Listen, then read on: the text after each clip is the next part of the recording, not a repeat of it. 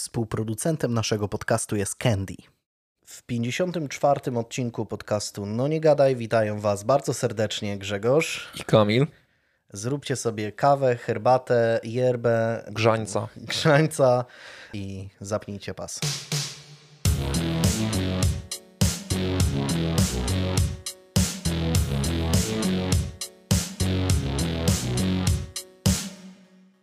Co tam, e, co tam słychać? E, Teoretycznie odcinek jest e, świąteczno-noworoczny, no ale są takie tematy, których no, trudno ominąć, nie? Znaczy, Trudno e, ominąć. czekaj, ja- ja wiem do czego, do czego będziesz pił, więc może o przyjemnych rzeczach, jeżeli mówisz o świątecznych, to No. jak oceniasz płytę Świąteczne kolendy Klocucha?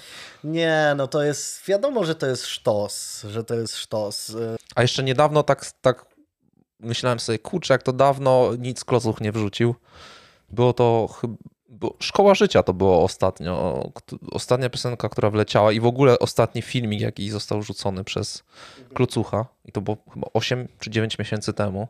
Tak, ale to była tak zwana cisza przed burzą, Cisza przed burzą. bo... Chociaż Szkoła Życia to też był jednak, no to Tak, był to- banger, to był banger. To był Węgier, ale nie no, kolendy w wykonaniu Klocucha to jest, to jest złoto, jeśli ktoś, Masz swoją ulubioną, czy, czy trudno by mi było wyłonić, wiesz, ulubioną, naprawdę. no hejże ino ino, hejże ino dyna dyna dyna, jest. hejże ino dyna dyna, tak. Czym tak, jest ta dyna dyna? E, jeśli ktoś nie słuchał, to, to polecam, bo jest... E, no, No co, tam jest, tam jest, wiesz co, ciężko zrecyzować każdą kolejną piosenkę, bo wszystkie są po prostu w punkt. One są w punkt trafione. Tak, to jest kolendowy absolut. E, Tak. Trudno, trudno tutaj. No, no w ogóle to, no nie ma co o tym gadać, to trzeba słuchać. Tak, tak, tak, Najlepiej dokładnie. na jakimś audiofilskim zestawie. po prostu się zanurzyć w tę muzykę. Tak, tak, tak. Teraz y, na święta wiele sałatek, więc pewnie jajka pójdą, więc z tych wytłaczanek można sobie, wiesz, pokój przygotować, Tak. żeby był taką oazą spokoju, oazą takim, Wyciszyć i tak. tak, i oazą słuchać. pięknego dźwięku. Naprawdę, naprawdę mm, piękne. Yy, piękne utwory. Myślałem, myślałem, że z rzeczy, których, yy, z przyjemnych rzeczy, które trudno ominąć, to będzie yy, nieprzedłużenie kontraktu z Czesławem Michniewiczem. No tak. Myślałem, że z tej strony uderzysz, ale...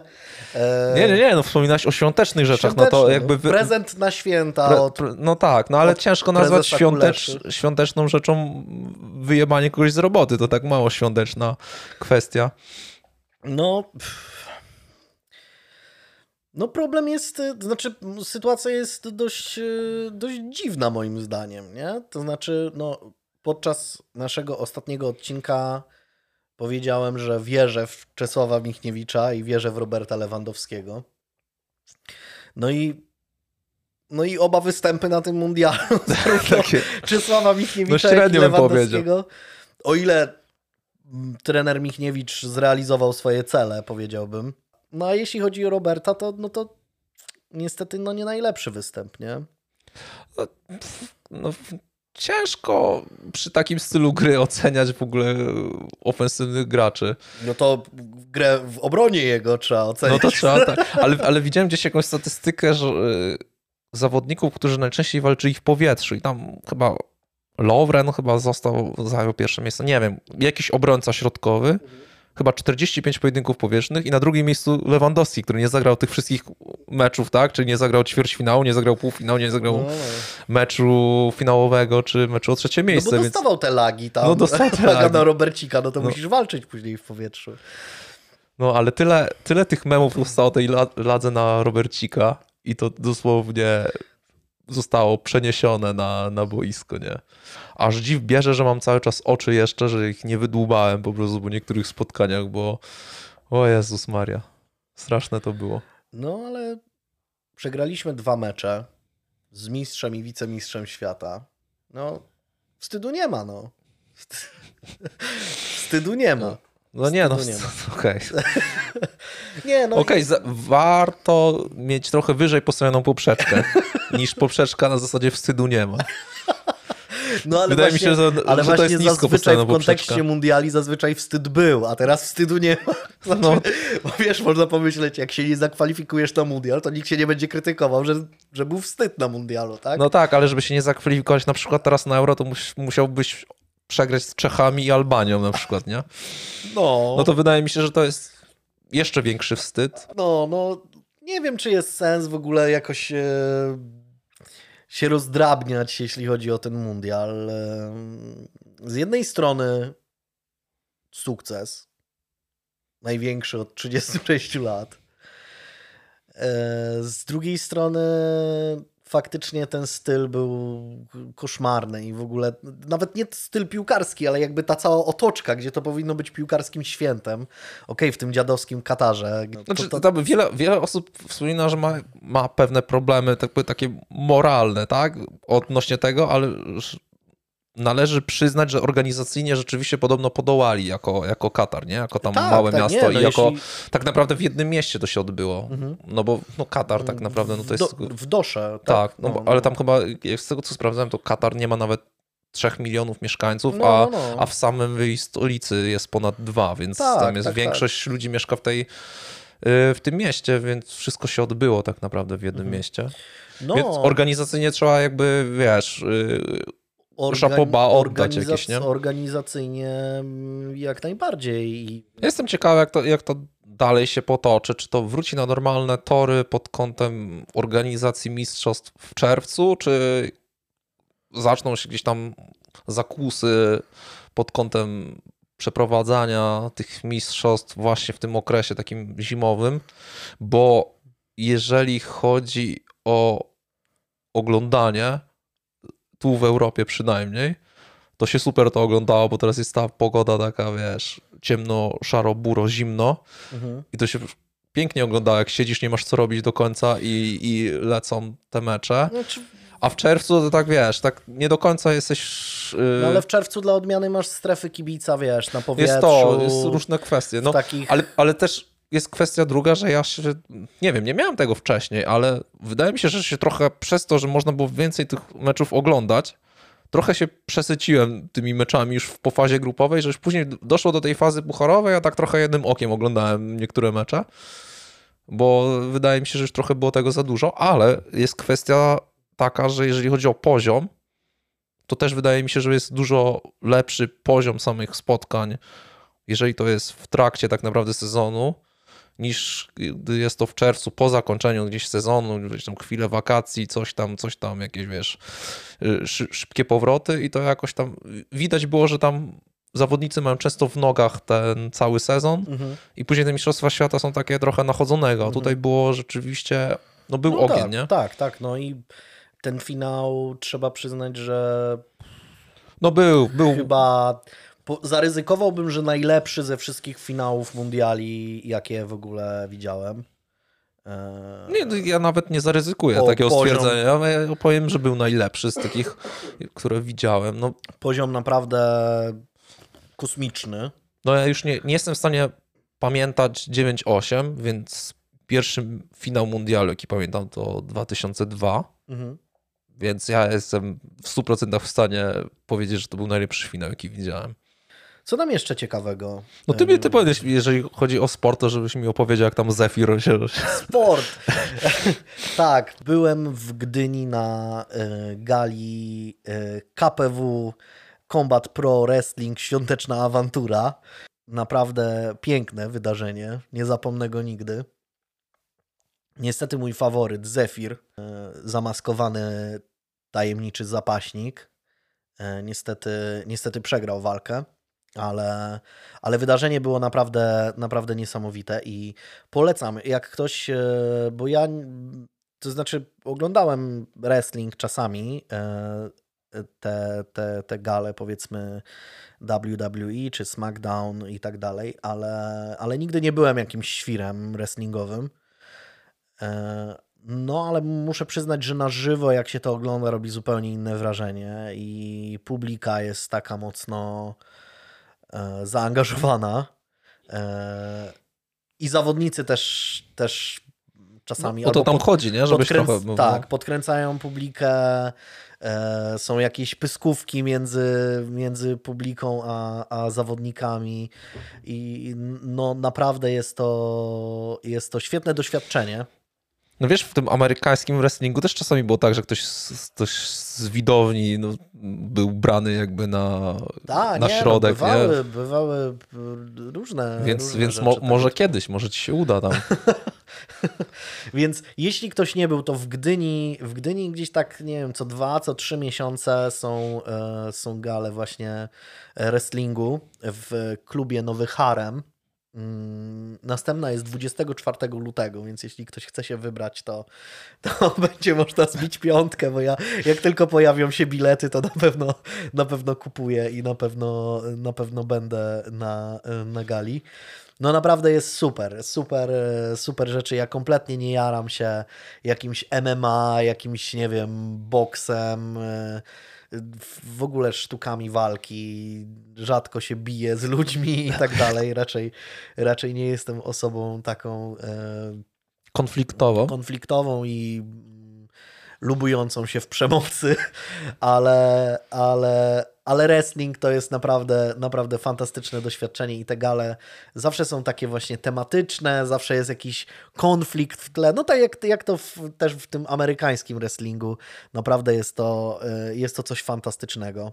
Polecam, e, polecam, bo e, też ten klub jest na tyle powiedzmy niewielki, że zmieści się tam dość dużo ludzi, ale będąc na widowni praktycznie z każdego miejsca, gdzie jesteś, to jesteś w, no, bardzo blisko ringu.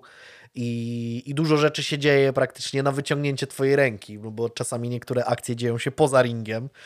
E, Zefir na przykład słynie z tego, że skacze z balustrady takiej no, z wysokości powiedzmy pierwszego piętra na, na, na ring, co jest też doświadczeniem niesamowitym. No widzisz, no to, to jest to wszystko tworzone jak te te greckie amfiteatry kiedyś były, żeby każdy... Tak, tak, no, no, no naprawdę, żebyś miał ten kontakt ze sztuką Tak, taki, tak, taki, taki wiesz. na wyciągnięcie tak, ręki. Tak, tak, no. No naprawdę po, polecam e, z całego serca. Nawet jeśli ktoś tego nie czuje, nie, nigdy się tym nie interesował, to warto, warto spróbować, bo, bo jest to coś, e, coś fantastycznego. Mm, Się to nazywa Combat Pro Wrestling. Nawet sobie na Facebooku możecie, możecie sprawdzić. E, Rekomenduję z całego serca. Z rzeczy takich niezwiązanych z wrestlingiem, ani z To się niewiele wydarzyło. ani z piłką nożną to się niewiele wydarzyło. Jedyne co, e, jak zwykle sobie, sobie jakieś tam rzeczy wynotowałem, które, mm, które mm, oglądałem czy czytałem i tak dalej, to polecam serial Wednesday na Netflixie. Jest to naprawdę coś fantastycznego. Jak ktoś lubi e, rodzinę Adamsów, albo tą z lat 90., albo tą jeszcze starszą, no to to jest serial o tej Wednesday, tej małej dziewczynce, która trafia do szkoły takiego odpowiednika Hogwartu i no i musi się tam odnaleźć ze swoimi demonami. Ja, ja muszę jeszcze raz sprawdzić, bo się odbiłem za Tak? pierwszym razem. Odbiłem się na pierwszym odcinku. A ja byłem zachwycony totalnie. To znaczy, ja przede wszystkim jestem turbo fanem Tima Bartona. Chyba już o tym kiedyś mówiłem. Uwielbiam Sweeneya Toda, uwielbiam Batmany e, Bartona, uwielbiam Edwarda Nożycorękiego, e, Jeźdźca bez głowy i tak dalej. I to są naprawdę świetne filmy. Jestem w stanie je oglądać na okrągło. Powiedzmy, te nowsze rzeczy Bartona, moim zdaniem, no nie zawsze dowoziły, czyli tam Alicja w Krainie Czarów, jakieś tam, nawet części to nawet nie, nie oglądałem. Ale Wednesday jest super, naprawdę. Jenna Ortega, czyli ta główna bohaterka grająca Wednesday, no pozamiatała moim zdaniem. Naprawdę jest świetna. Jest, znaczy przede wszystkim jest przeurocza, to, to, to jest jedno, ale jest naprawdę też świetną, świetną e, aktorką i no, sc- scena jej tańca okrążyła 15 razy już TikToka i, i wszystkie ten, więc pewnie Tak, tylko tam chyba jest melodyjka inna, nie? E, pod, pod, pod, podłożona jest y, melodia chyba z Lady Gagi, ale też z tą oryginalną melodią też tam śmigają te klipy z jej tańcem. No, to, to, to ten taniec jest w sumie podsumowaniem i, i klimatu filmów Bartona i, i całego, tego, całego tego serialu, który tak naprawdę jest taką zwykłą taką teen dramą, nie? Taki... No może właśnie dlatego, chciałem mówić, że chyba dlatego się, się odbiłem, ale na, na pewno wrócę zobaczyć, pewnie sezon sobie obejrzę, tylko jakoś tak E, odpaliłem sobie pierwszy, pierwszy odcinek i tak trochę poczułem trochę takie sabrinowe jakby vibe, lekko tak, młodzieżowe. Bo to, to jest coś takiego. No i tak, nie wiem, jako, jak, jakoś może nie poczułem tego klimatu akurat na ten moment, w mhm. którym, w którym chciałem to oglądać, mhm. więc, więc odpuściłem, nie ma sensu się męczyć, ale jestem pewny, że, że wrócę zobaczyć, zobaczyć jak to, jak to tam dalej poszło, chociaż dojść do tego tańca rzeczywiście, który tam tak, zrobił tak. furorę. Nie, no taniec jest, ta, no taniec można sobie w, w najgorszym wypadku, jak ktoś jak ktoś nie ma ochoty, mm, jak ktoś nie ma ochoty tego obejrzeć w całości, to taniec można sobie obejrzeć na YouTubie, czy właśnie na TikToku, to w ogóle y, prawie wszyscy e, albo odtwarzają ten taniec, albo jakoś tam go przerabiają, więc E, więc no, zrobił on, e, on furorę.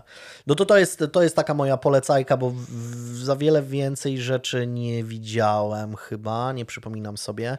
Jedyne co to czytałem, przeczytałem książkę z wydawnictwa Czarne. Reportaż e, się nazywa Bezemnie jesteś nikim, przemoc w polskich domach. Mm, książka opowiada o tak naprawdę indywidualnych historiach ludzi, którzy doświadczyli E, przemocy, ale też byli sprawcami przemocy mm, domowej. I wiem, że dla niektórych to jest, zwłaszcza jeśli ktoś mm, w jakikolwiek sposób sam doświadczył takiego czegoś, to jest temat, no, do którego, znaczy, do którego nie chce się wracać, czy nie chce się słuchać, czy czytać na takie tematy. Ale jeśli ktoś, ja na przykład mam wrażenie, że nie byłem świadomy do końca tego, albo nie wiem, pewien sposób nie chciałem być świadomy, jak wygląda y, przemoc w, w polskich domach. Niektóre te historie są po prostu koszmarne, dramatyczne i, trudno się przez to e, przechodzi. Mimo, że mam wrażenie, że też, żeby trochę odciążyć e, e, czytelnika, te historie są poszatkowane jakby. I czasami się do tych bohaterów wraca, później przechodzi się do następnego i wraca się znowu do historii, która była wcześniej, więc może też dlatego to jest trochę bardziej, nie, nie jest aż, aż takie ciężkie i w sumie jest to dobry zabieg, że, no, no, że się nie jest w tej historii jakby od początku do końca, ale Mimo wszystko polecam książkę, jak, jak kogoś interesują tego typu, tego typu tematy, to reportaż jest naprawdę świetny i te historie są, są no, naprawdę, naprawdę dramatyczne. To ja też może od razu, znaczy może polecić, to dziwnie brzmi polecić, tak, ale, ale, wiadomo, ale, ale, ale też, też rekomenduję. Rzeczywiście to jest taka książka, którą można. A czyta się też. Tak, tak, no. tak. Rzeczywiście czyta się ją takim jednym tchem trochę i, i można to tak naprawdę ogarnąć w jeden wieczór. Mhm. Tak. Bo no chyba, chyba, że kogoś tak naprawdę to mocno uderzy, a jest w stanie uderzyć, tak jak mówisz, wiele historii może tak uderzyć, że sobie odłożysz tą książkę i, i mówisz, ok, emocjonalnie trochę dla mnie za dużo jak na mhm. jeden wieczór, ale na pewno, na pewno się wróci, bo, bo to są rzeczywiście grube emocje, jeżeli się, się, się czyta tą książkę i, i czyta się te historie wszystkie. Tak, może polecam, to jest dziwne słowo, tak, ale rekomendować jak mhm. najbardziej warto przeczytać. Na pewno ta książka dużo e, tłumaczy takich rzeczy, jak zachowują się ofiary przemocy domowej, jak reagują na niektóre rzeczy, jak dają sygnały o, o, o tym, że jest źle, bo, to, bo, bo, bo jest dużo mechanizmów, których mam wrażenie, że nie wszyscy jesteśmy świadomi. Ja na przykład nie, mam wrażenie, że nie, wszyscy, nie, nie wiedziałem o, o wszystkim, że to nie było dla mnie takie tylko po prostu czytanie strasznych historii, tylko, tylko dużo rzeczy było dla mnie jakiegoś tam rodzaju zaskoczeniem. Ale pozwala to się uwrażliwić na jakieś tam sygnały z otoczenia. Bardzo ciekawy zresztą jest rozdział, e, albo tam rozdziały, gdzie to mężczyźni padali e, ofiarami przemocy ze, ze strony na przykład swoich partnerek i że mężczyźni bardzo często wstydzą się mówić swojemu otoczeniu o tym, co się u nich dzieje. Ale te rozdziały też są bardzo, bardzo ciekawe, bardzo, bardzo interesujące, ale po, pozwalają właśnie uwrażliwić się na jakieś, e, na jakieś sygnały, często takie zawoalowane, ukryte, ale, ale często dające do zrozumienia, że u kogoś jest źle, że, że należy w jakiś sposób interweniować jako, nie wiem, kolega z pracy, jako, jako sąsiad, e, cokolwiek. Naprawdę jest e, jest to no, poruszająca bardzo mocno, bardzo mocno książka. E, jak ktoś nie czytał, w ogóle wydawnictwo czarne to jest jeden wielki sztos i tak naprawdę no, za cokolwiek y, się nie Można weźmiesz. w ciemno zamknąć tak, oczy. Tak, taka jest, e, taka jest prawda. Przynajmniej no, ja nie przeczytałem wszystkiego, więc, więc może są jakieś, e, są jakieś słabsze, słabsze pozycje, ale z wydawnictwa czarnego praktycznie cokolwiek weźmiesz do ręki, to jest bardzo, bardzo dobre i, i to polecam naprawdę, naprawdę z całego, z całego serca. Jedynie z takich pozytywnych rzeczy, o których e, wspomniałeś, jeżeli chodzi o, o mężczyzn, którzy padają ofiarami przemocy, e, to pamiętam jak robiłem badania do, do pracy magisterskiej, e, to, to wyszło tam bezpośrednio z niego, że, że idzie to ku lepszemu, tak? że jest jakby jeszcze ten procent ofiar mężczyzn, którzy się zgłaszają w sprawie właśnie tego, że przemoc jest skierowana wobec nich jest, jest straszna, tak? Jest, jest mocno zaniżona, rzeczywiście ta czarna liczba tam jest, musi być przeogromna, ale idzie ten słupek tak naprawdę w górę, więc może z każdym rokiem rzeczywiście ta świadomość jest coraz większa i, i idzie trochę ku lepszemu, może nie w jakimś niewiarygodnym tempie, ale powoli, step by step. Wydaje mi się, że że z, z, każdym rokiem ta świadomość będzie większa i.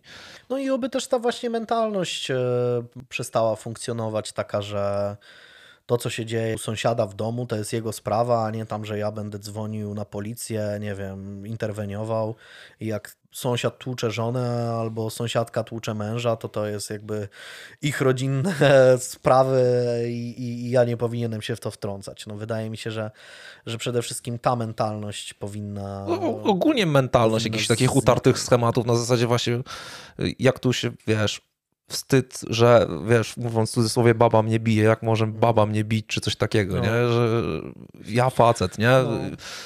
Wiele osób gdzieś tam trochę działa takimi utartymi mm. schematami, o których też, też mówisz, że to, co się dzieje u kogoś w domu, no to ja nie będę w to, to wiesz, cokolwiek, cokolwiek robił, albo rzeczywiście, no co się dzieje w domu, to nie wychodzi poza ten dom, mm. tak?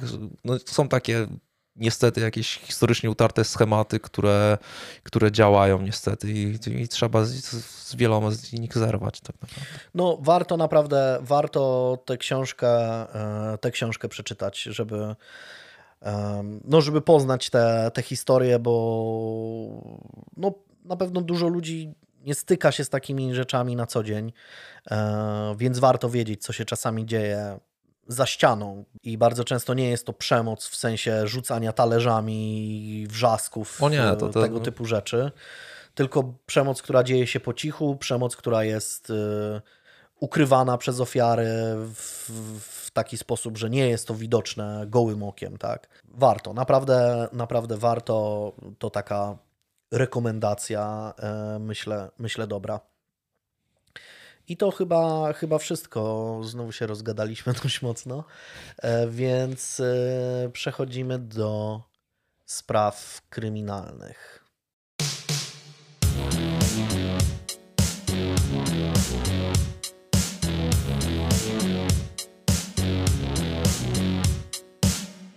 Dzisiaj w mojej historii przenosimy się do roku 2003, do Antwerpii. Jest to Drugie po Brukseli największe miasto Belgii, położone na północy kraju nad rzeką Skaldą. Jest to też miasto kluczowe dla gospodarki kraju. Przede wszystkim dzięki temu, że jest jednym z największych portów w Europie. I ciekawe tutaj to, że właśnie jest to miasto nad rzeką, nie, nie nad morzem czy tym bardziej oceanem, tylko, tylko nad, nad rzeką, a jest to jeden z największych portów właśnie w, na starym kontynencie. Łączny przeładunek antwerpskiego portu w 2018 roku na przykład przekroczył 235 milionów ton. I tutaj dla porównania, na przykład port w Gdańsku, który jest największym w Polsce, w tym samym roku mógł pochwalić się liczbą ponad 5 razy mniejszą. Jest to oczywiście bezcenne źródło dochodów dla samego miasta, jak i całej Belgii, ale to nie z tego Antwerpia jest znana na całym świecie. W jej centrum na powierzchni mniej więcej 1 km kwadratowego znajduje się tak zwana dzielnica diamentowa. To właśnie tutaj trafia ponad 80% nieoszlifowanych diamentów z całego świata. To właśnie w antwerpskiej dzielnicy diamentowej lądują one w rękach specjalistów, którzy je tną, szlifują, certyfikują i tak dalej. Szlachetne kamienie następnie trafiają do pobliskich centrów skupiających handlarzy, którzy sprzedają je za grube pieniądze i no mówiąc grube pieniądze, mam na myśli naprawdę bardzo grube pieniądze, bo w przeciętny dzień w Antwerpii diamenty o łącznej wadze 200 tysięcy karatów zmieniają swoich właścicieli. I handel ten, na przykład znalazłem dane z 2011 roku, e, handel ten wygenerował roczny obrót w wysokości 56 miliardów dolarów.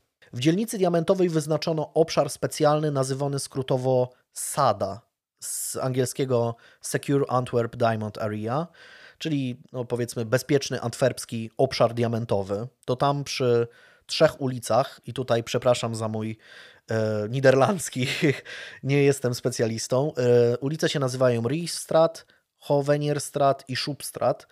Mm, to tam znajdują się te prestiżowe przedsiębiorstwa zajmujące się obróbką i handlem diamentami. I są to, tak, są to trzy ulice, ale tworzące tak naprawdę jedną długą ulicę, do której są tylko dwa wjazdy, że można tylko wjechać na tę ulicę z jednej i, i z drugiej strony tej, tej dzielnicy diamentowej. Ona jest cała obudowana budynkami, w których są, w których są te, no, te różne przedsiębiorstwa. Na tym odcinku zaledwie 300 metrów zostały zastosowane najnowocześniejsze, zaawansowane środki bezpieczeństwa. Na obszar Sada mogą wjechać tylko pojazdy posiadające odpowiednie e, zezwolenia, na przykład e, no oczywiście pojazdy służb czy samochody opancerzone mm, certyfikowanych firm ochroniarskich. Nie możesz sobie tam po prostu tak wjechać. Nawet jeśli przyjechałeś kupić diamenty czy sprzedać diamenty, no to nie możesz wjechać tam tak po prostu swoim, e, swoim autem. Dostępu do ulic strzegą wysuwane z chodnika barierki tworzące okrąg. I działa to tak, że najpierw e, samochód wjeżdża do tego okręgu, jest sprawdzany, ale jest otoczony tymi barierkami. To są takie słupki, które są no, turbo wzmocnione. E, I ten okrąg się otwiera po drugiej stronie, dopiero możesz, możesz wyjechać. I nawet jeśli to jest samochód e, policyjny, to jest on w jakiś tam sposób sprawdzany przed, przed wjazdem na, mm, na teren. I te barierki są nie, podobno niemoż... Te, teraz to zabezpieczenie się już zmieniło, ale mówimy e, o 2003 roku, to e, te barierki są praktycznie niemożliwe do sforsowania przez jakikolwiek cywilny pojazd. Nawet jeśli byłby to jakiś e, samochód ciężki, powiedzmy jakaś półciężarówka, czy, czy nawet ciężarówka, to nie ma możliwości sforsowania takiego czegoś. No, często w jakichś e, budynkach rządowych e, są takie właśnie tego typu zabezpieczenia, które e, no wiecie jak one wyglądają, takie, takie słupki. Mm, obsługą tego zabezpieczenia zajmują się policjanci będący w niewielkich budkach po obu stronach wjazdu do sada. Uzbrojeni funkcjonariusze policji patrolują też na bieżąco okolice. Po dwóch stronach wjazdów są takie no, budki, w których, w których siedzi, siedzi, tam jeden czy dwóch funkcjonariuszy, którzy obsługują to, do tego mają dostęp też do monitoringu, który jest e, podłączony na tym całym obszarze. W samym SADA znajdują się dokładnie 52 kamery, które 24 godziny na dobę i 7 dni w tygodniu rejestrują ruch uliczny. Te i inne zabezpieczenia czynią to miejsce jednym z najbezpieczniejszych miejsc na Ziemi, porównywalnym z Fortem Knox Pozwalają one handlarzom diamentów spać spokojnie, bez strachu przed tym, że zdeponowany w jednym z kilku skarbców na terenie Sada dobytek ich całego życia wart no, pierdyliony dolarów nie rozpłynie się pewnego dnia w powietrzu. No ale strach ten o to całe bogactwo nie jest jakiś nieuzasadniony. Marilyn Monroe w filmie Mężczyźni wolą blondynki śpiewała, że diamenty są najlepszym przyjacielem kobiety. No ale właściciele cennych kamieni wiedzą też doskonale, że diamenty są też najlepszym przyjacielem złodzieja. I tutaj taka e, szybka lekcja, chyba że ktoś z naszych słuchaczy jest handlarzem diamentami, ale no, można sobie nie zdawać sprawy. Ja na przykład nie zdawałem sobie sprawy, ile to tak naprawdę jest warte. Jeden karat, czyli 0,2 grama tego błyszczącego kamyka, potrafi kosztować od kilku do kilkudziesięciu tysięcy dolarów. Jeżeli jest on nadzwyczajnej urody ze względu na właściwości samego minerału lub wyjątkowo pożądany szlif, jego cena może sięgnąć nawet 100 tysięcy dolarów. Cały czas mówimy o jednym karacie. W maju 2021 roku podczas aukcji w Genewie został sprzedany na przykład 100-karatowy diament, 100 karatów, czyli 2 gramy. Ten diament nazywał się The Spectacle i jego cena wyniosła 13,2 miliona dolarów, co i tak uznano za okazyjną kwotę, bo wyceniano go nawet na blisko 20 milionów dolarów. No i 100 karatów to zaledwie 20 gramów, mniej więcej tyle co łyżka soli, a mógłbyś za to no, na przykład zorganizować wybory kopertowe w Polsce. Co? Ale wróćmy do Antwerpii i Sada. To właśnie tam, a dokładnie pod adresem Szubstrat 911. No tutaj przesądni numerologicznie ludzie 911 mm, o- olaliby temat, zwłaszcza Amerykanie. I tam znajduje się taki dość niepozorny budynek, a właściwie kompleks trzech budynków z lat 60. o nazwie Diamond Center. Przedsiębiorstwo to świadczy usługi dla lokalnych handlarzy diamentami. Mogą oni wynająć tam biuro. Diamond Center jest zresztą największym biurowcem na terenie tej diamentowej dzielnicy.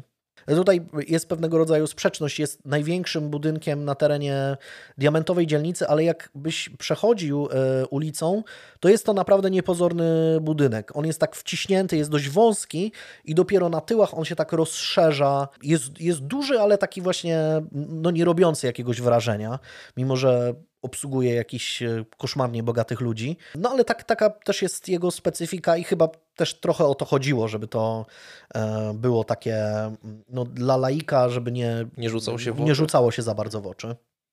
Zresztą o tym też podobno w ogóle w całej dzielnicy diamentowej ci e, bardzo bogaci ludzie, którzy handlują tymi diamentami, też właśnie jest taka niepisana zasada, żeby, żeby się jakoś nie obnosić z tym bogactwem. W ogóle bardzo dużo handlarzy diamentami to są e, ortodoksyjni Żydzi i oni chodzą w swoich tradycyjnych strojach. I, I naprawdę rzadkością są e, jakieś właśnie bardzo luksusowe samochody kręcące się tam po okolicy, czy, mm, no, czy jacyś lu- ludzie naprawdę, nie wiem, no jakoś tak kipiący tym bogactwem. I tu się trochę sprawdza ta zasada, że jak ktoś jest naprawdę koszmarnie bogaty, to chodzi w jakimś wyciągniętym sw- swetrze, a, a, a- ci, co gdzieś tam się obnoszą z tym wszystkim, to tak naprawdę... To, z- Zrobili czę- często- zakupy w Turcji. często są bankrutami i zrobili zakupy w Turcji. Tak, no trochę to jest generalizowanie, ale trochę, trochę tak to właśnie wygląda, bo też e, oglądałem wywiady z e, tymi ludźmi, którzy będą trochę bohaterami tej historii. No to faktycznie, jeśli sobie wyobrazić, e, że, że ten człowiek ma jakieś nieograniczone w ogóle ilości pieniędzy, no to totalnie na, na takiego kogoś No nie, no jak- nie jak- wygląda. Jak, jak spojrzysz na jakiegoś Steve'a, znaczy spojrzałeś kiedyś Tak. na Steve'a Jobsa, tak? Trochę te, tak, no. te, te jego stroje cały czas te same. No dokładnie, trochę, trochę to jest taki... Bill Gates też, Też, też, też.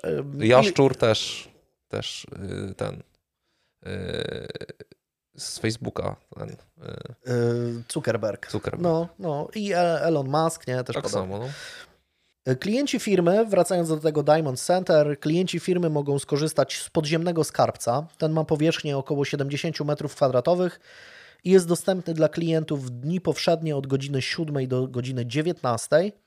Jego pancerne drzwi są zamykane przez personel na noc oraz na cały weekend. Kosztowności klientów Diamond Center są bardzo pilnie strzeżone. Budynek nafaszerowany jest kamerami, ale pra- prawdziwą perełką jest właśnie ten e, skarbiec. Od poniedziałku do piątku w ciągu dnia handlarze noszą bardzo często diamenty, albo przynajmniej część tych swoich diamentów ze sobą i tam nimi handlują, oddają do szlifowania i tak. A w nocy i w weekendy chcą mieć pewność, że ich dobytek jest bezpieczny, więc chowają te kamienie oraz pieniądze mm, w skrytkach w skarbcu. Też taką trochę zasadą e, handlu diamentami, może teraz się już to trochę zmieniło, ale w tym 2003 roku było tak, że praktycznie cały ten obrót diamentami był obrotem gotówkowym. Płaciło się po prostu twardą walutą.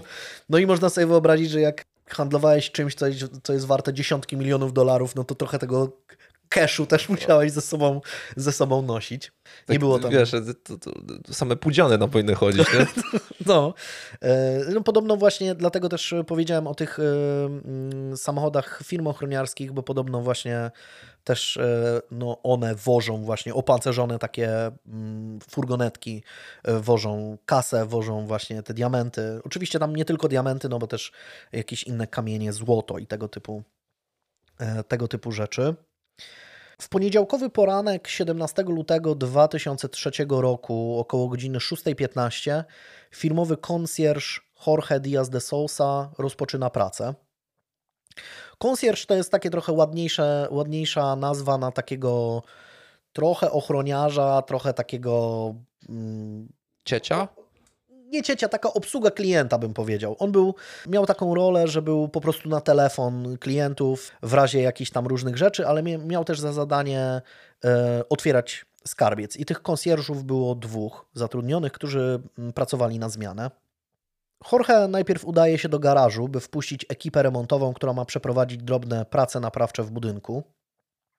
Jakieś pół godziny później działa już według e, stałego harmonogramu. Idzie do windy i zjeżdża na poziom minus dwa, by otworzyć skarbiec.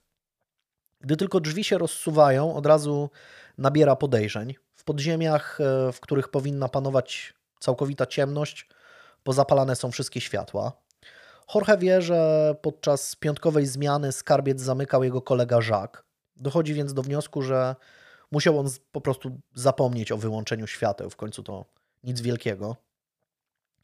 De Sousa wychodzi więc z windy, spogląda w lewo w stronę skarbca. Trzytonowe drzwi, zabezpieczone na wszelkie możliwe sposoby, są otwarte na oścież. Jorge wchodzi do środka. Ponad połowa skrytek jest otwarta. Na podłodze leżą porozrzucane niezliczone torby, walizki i worki wypełnione drogocenną biżuterią, szlachetnymi kamieniami i dokumentami. Nie ma złudzeń. Ktoś okradł Diamond Center. Kilka minut później na miejscu pojawiają się pierwsi policjanci. Wśród nich jest Agim de Bruyker, funkcjonariusz ze specjalnego wydziału. No, to też jest taka lokalna ciekawostka. Antwerpska policja ma specjalny wydział do spraw diamentów, czyli no, oszustw związanych z diamentami, bo no, nie da się ukryć, że duża kasa przyciąga też no, duże szwindle, więc y, policjanci tam no, typowo się zajmują wszelkimi jakimiś nieprawidłowościami związanymi właśnie z handlem tym, tymi diamentami. No w tym wypadku akurat gruby temat, no bo, no bo doszło do napadu. Debryker e, wyciąga telefon i dzwoni do firmy SecuriLink, obsługującej systemy w skarbcu, te wszystkie warstwy zabezpieczeń. Proszę o status alarmu w Diamond Center, pyta policjant. Alarm działa, nie zarejestrowaliśmy żadnych problemów. Skarbiec jest bezpieczny, odpowiada operator. Debrucker mruga oczami z niedowierzania. W takim razie, jak to możliwe, że drzwi do niego są otwarte na oścież, a ja właśnie dzwonię z jego wnętrza? Rozmowa szybko zostaje zakończona. Debryker wie, że ma do czynienia no, z najlepszymi w swoim fachu. Jednak od początku. Leonardo Notarbartolo urodził się w 1952 roku w Palermo na Sycylii. Pierwszej kradzieży dokonał mając zaledwie 6 lat. Wtedy matka wysłała małego Leo po mleko. Chłopiec grzecznie spełnił prośbę, jednak gdy dotarł do mleczarza, zastał go śpiącego. Nie budząc więc zmęczonego mężczyzny, mleko wziął sobie sam, a przy okazji zajrzał do kilku szuflad, z których zawinął jeszcze 5000 lirów. Niewielką kwotę, będącą równowartością mniej więcej 8 dolarów. Matka, gdy tylko dowiedziała się, co zrobił, wymierzyła mu srogie lanie, ale jak się wkrótce okaże, nie wybiła mu z głowy złodziejstwa. Jeszcze w szkole podstawowej mały Leo regularnie okrada swoich nauczycieli. Później nabiera też coraz większej wprawy w otwieraniu zamków. Konflikty rozwiązuje też raczej bezkompromisowo, dzięki czemu wśród kolegów zyskuje pseudonim Testa di Legno, co oznacza drewniana głowa. Rzekomo ksywka ma swoją genezę w wypracowanym na sycylijskich podwórkach popisowym numerze Leo, czyli celnym uderzeniu z bańki prosto w nos adwersarza. W czasie, gdy mały Leo przeciera swoje złodziejskie szlaki, trwa tak zwany włoski cud ekonomiczny. Dotyczy on jednak przede wszystkim uprzemysłowionej północy kraju. Sytuacja gospodarcza na rolniczym południu Włoch, w tym także na Sycylii, w tamtym czasie jest, no delikatnie mówiąc, nie najlepsza. Znaczna część mieszkańców kraju Przeprowadza się wtedy na północ. Częścią tej emigracji są też państwo Notar Bartolo, którzy przenoszą się do Turynu, gdy Leonardo wciąż jest jeszcze dzieckiem. Nastoletni chłopiec pochodzący z niezamożnej rodziny trafia do miasta, będącego stolicą włoskiej motoryzacji, co jeszcze bardziej rozpala w nim motywację do dalszego kształcenia się w złodziejskim fachu. No i nie bez powodu, gdy ma już 19 lat, zostaje aresztowany we Francji za kierownicą luksusowego kabrioleta Alfa Romeo 2000 Spider. Auto oczywiście samodzielnie ukradł. Trafia wtedy na krótki czas do francuskiego aresztu, ale szybko zostaje odesłany do Włoch. Wtedy też postanawia rozruszać swoją złodziejską karierę. Przez następne 10 lat jego kartoteka znacznie zwiększa swoją objętość. Leonardo wchodzi w konflikty z prawem na terenie całych Włoch na różne sposoby, od przekraczania prędkości po dalsze włamania i kradzieże. Liczne występki skutkują kolejnymi odsiadkami, podczas których Leo nawiązuje kontakty z innymi złodziejami, z którymi wymienia się doświadczeniami, uczy nowych rzeczy, od taki więzienny networking.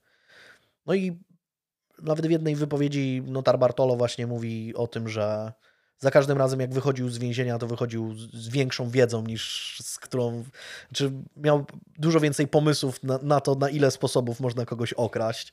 Mi się bo... wydaje czasami, że polskie więzienia też tak działają. no, że to jest taki, taki złodziejski Hogwart. Tak, tak.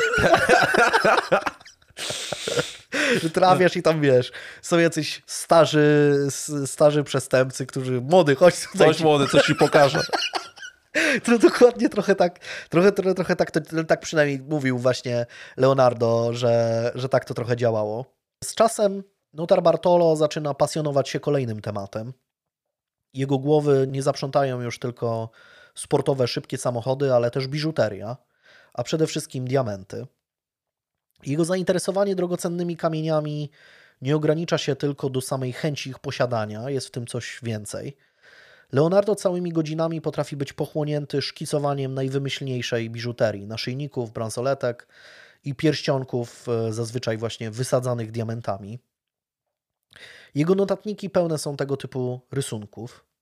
Notar Bartolo nie ogranicza się zresztą do tej fantazji. Wraz ze swoją żoną Adrianą Crudo przy ulicy Corso Sebastopoli w Turynie otwiera własny sklep jubilerski.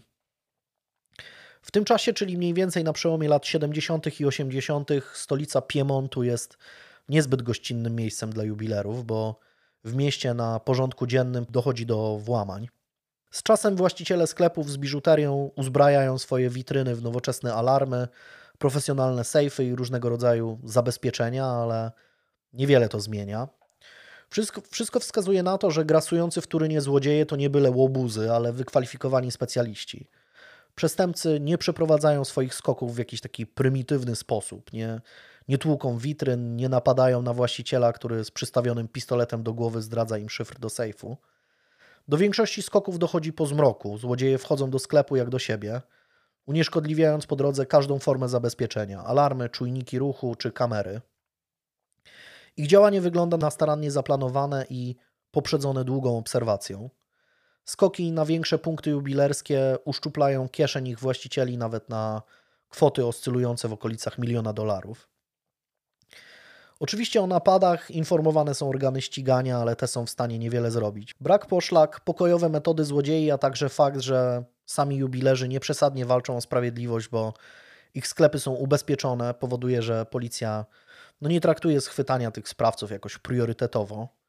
W tym czasie turyńscy funkcjonariusze zmagają się z dużo poważniejszymi problemami. E, kwitnie wtedy handel narkotykami, handel bronią, a także na porządku dziennym są te no, słynne mafijne porachunki. Jedną rzeczą są twarde dowody, a inną tak zwana wiedza operacyjna. Policjanci z czasem zaczynają nabierać poważnych podejrzeń co do znanego im złodzieja samochodów Leonardo Notar Bartolo, który niedawno rzekomo przeszedł na dobrą stronę i rozpoczął uczciwy żywot prywatnego przedsiębiorcy.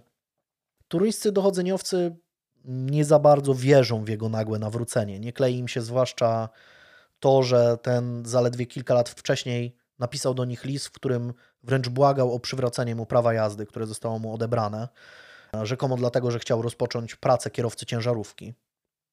Nie minęło za wiele czasu, a do niedawna bezrobotny, jakby ledwo wiążący z koniec z końcem notar Bartolo otworzył sklep jubilerski w prestiżowej dzielnicy Turynu i zapełnił jego witryny naszyjnikami, pierścionkami, zegarkami wartymi setki tysięcy dolarów, co no myślę, że nawet średnio rozgarnięty policjant czy kto jakikolwiek obserwator byłby w stanie zauważyć, że coś tu nie gra. W 1981 roku dochodzi nawet do przeszukania domu Leonardo, ale policjanci nie znajdują w nim żadnych łupów. Natrafiają na pistolet marki Beretta. No tutaj patriotyzm włoski, bo to włoska broń. Ale zawsze w grach było jak Beretta, to były dwie zawsze, nie? tak, tak, tak. No, e, Beretta ma starte numery seryjne, co jest trochę podejrzane, ale Leonardo tłumaczy, że broń służy mu tylko do samoobrony przed złodziejami. No, powiedzmy na to, policjanci przymykają oko, ale trudno Jakby jest... miał granatnik na przykład, to by była inna kwestia na przykład. Byłem ciekawy, czy ten temat zostanie poruszony. e, trudniej jest mu wytłumaczyć się z innego znaleziska, bo ma mm, w domu 10 zapalników do... A, liczyłem, że teraz będzie granatnik RGW 90. 9 zapalników do C4 ma. No ale z tego co wiem, nie, nie, wiem jak to wygląda w polskim prawie, ale w wypadku chyba włoskiego ówczesnego prawa wyglądało to tak, że no, zapalnik to zapalnik, nie jest to materiał wybuchowy. Eee, więc notar Bartolo zostaje aresztowany, przesłuchany, ale ze względu na brak dowodów wiążących go z tymi napadami wkrótce wraca do domu. Przez następną dekadę Leonardo wciąż jest pod ścisłą obserwacją policji. To uczy go działania w sposób bardzo przemyślany i ostrożny. Jego biznes w tym czasie poważnie się rozrasta, bo małżeństwo otwiera kolejne dwa sklepy. Przez większość tego czasu udaje mu się unikać kontaktów z policją. Wyjątkiem jest jeden raz, gdy jesienią 1990 roku miejscowy handlarz biżuterią zauważa, że od dłuższego czasu jest śledzony przez tajemniczego mężczyznę poruszającego się sportową Alfą Romeo w kolorze niebieski metalik. No, ten handlarz biżuterią powiadamia o tym policję. Oczywiście tym zagadkowym nieznajomym okazuje się notar Bartolo, ale podczas przesłuchania z uśmiechem na twarzy mówi funkcjonariuszom, że musiało dojść do jakiegoś nieporozumienia i w ogóle tutaj nie, nie wie, dlaczego ten człowiek jakieś miał podejrzenia wobec niego. W ogóle bardzo słaby samochód do śledzenia kogokolwiek i do obserwacji. Sportowy Alfa Romeo. Jakby sobie golfa jakiegoś kupił. Nie? No właśnie, no ale, ale tutaj ta próżność no, wychodzi. wychodzi. Słoma z butów. Tak. No, mm, policjanci nic znowu na niego nie mają, więc po raz kolejny puszczają go wolno. W tamtych latach funkcjonariusze obserwujący Leonardo niejednokrotnie będą świadkami, jak ten całe dnie przesiaduje w kawiarniach, spotykając się z przeróżnymi ludźmi, również będącymi celebrytami lokalnego półświadka. Wśród nich jest pewien turyński ślusarz, Aniello Fontanella, mistrz w trudnej sztuce otwierania zamków bez klucza, Przewija się wśród nich też Giovanni Spurgo, specjalista od alarmów. Espresso z Notar Bartolo niejednokrotnie spija też blisko 70-letni Giovanni Poliseri, mężczyzna, który zapracował sobie na miano króla złodziei. Wtedy też na początku lat 90. jedna z lokalnych gazet w artykule na temat kolejnego napadu na sklep jubilerski ochrzci współpracujących ze sobą złodziei mianem La Scuola di Torino, czyli szkoła turyńska. Z czasem tym terminem będzie posługiwała się też policja. W wyobraźni dziennikarzy mogło to wyglądać na jakąś podziemną akademię złodziejstwa, taki właśnie przestępczy Hogwart, w którym zamiast lekcji eliksirów masz zajęcia z rozpruwania sejfów czy hakowania zabezpieczeń. Rzeczywistość jednak jest inna. La Scuola di Torino jest taką zdecentralizowaną siecią powiązań między najlepszymi specjalistami od tego złodziejskiego fachu. Nie ma w niej ani szefa, ani tak naprawdę regularnych członków, którzy mogą czuć się oficjalną częścią tej grupy, bo skład ekip biorących udział w skokach jest dobierany według zapotrzebowania. Szkoła turyńska jednak kieruje się konkretnymi zasadami. Przede wszystkim nie używa przemocy, nigdy nie idzie też na łatwiznę. Akcje poprzedzone są właśnie długą obserwacją i planowaniem. W ich działaniu nie ma żadnego przypadku. W 1997 roku z Leonardem nawiązuje kontakt Ferdinando Finotto. Mężczyzna ten niedawno wrócił z Belgii po nieudanym skoku na bank w Antwerpii w lutym tego samego roku. Ekipa Finotto już na samym początku akcji popełniła błąd podczas próby wyłączenia alarmu w budynku, co poskutkowało jego uruchomieniem. Grupie udało się uciec przed przybyciem policji na miejsce, a Finotto zdołał wrócić do Włoch, zanim belgijski wymiar sprawiedliwości doszedł do tego, że to między innymi on odpowiada za próbę włamania. Nie zmienia to jednak faktu, że dochodzi do procesu bez jego udziału. To jest tak zwany proces in absentia i zostaje on skazany przez, przez belgijski sąd. Dzięki dobrym prawnikom udaje mu się przekonać włoski wymiar sprawiedliwości, by ten nie zgodził się na jego ekstradycję, więc Finotto jest bezpieczny we Włoszech. Pomimo tego, że Ferdinando Finotto wraca do Belgii bez żadnego łupu, to jest w posiadaniu bezcennej wiedzy. Podczas przygotowań do skoku, chcąc się uwiarygodnić, postanowił założyć przedsiębiorstwo zajmujące się rzekomo obrotem diamentami, a także wynająć biuro w firmie Diamond Center, mającej swoją siedzibę w dzielnicy diamentowej. Jego uwagę zwrócił fakt, że podczas dopełniania formalności związanych z wynajęciem biura nikt nie zadawał niepotrzebnych pytań. Nie dokonano żadnej pogłębionej weryfikacji jego działalności. Nie skontaktowano się też z włoską policją, no, która zapewne miałaby sporo do powiedzenia na temat wcześniejszej działalności przestępczej Finotto, no bo ten napad na bank nie był takim jego pier pierwszym przestępstwem, takim dziewiczym przecieraniem szlaków, tylko no, był już no, doświadczonym kryminalistą. Ferdinando zauważył też, że sam fakt wynajęcia biura upoważniał go również do korzystania ze skarbca w podziemiach siedziby Diamond Center. Pomimo tego, że to bank był jego celem, kilka razy wybrał się na poziom minus dwa, by bliżej przyjrzeć się zainstalowanym tam zabezpieczeniom, które okazały się naprawdę imponujące. Wiedział, że taki skok byłby ekstremalnie trudny, ale nie niemożliwy. No, Finotto nie musi długo namawiać Leo na misję rozpoznawczą. To miało miejsce w 1997 roku. Trudno powiedzieć, co się działo przez następne 3 lata, ale no, prawdopodobnie już poczyniono jakieś przygotowania. Ale to, co wiemy, to to, że jesienią roku 2000 próg Diamond Center przekracza czarujący niebieskooki Włoch. Ma już 48 lat, ale wciąż jest no, przystojnym mężczyzną. Ma też na sobie dobrze skrojony garnitur, no, wygląda elegancko.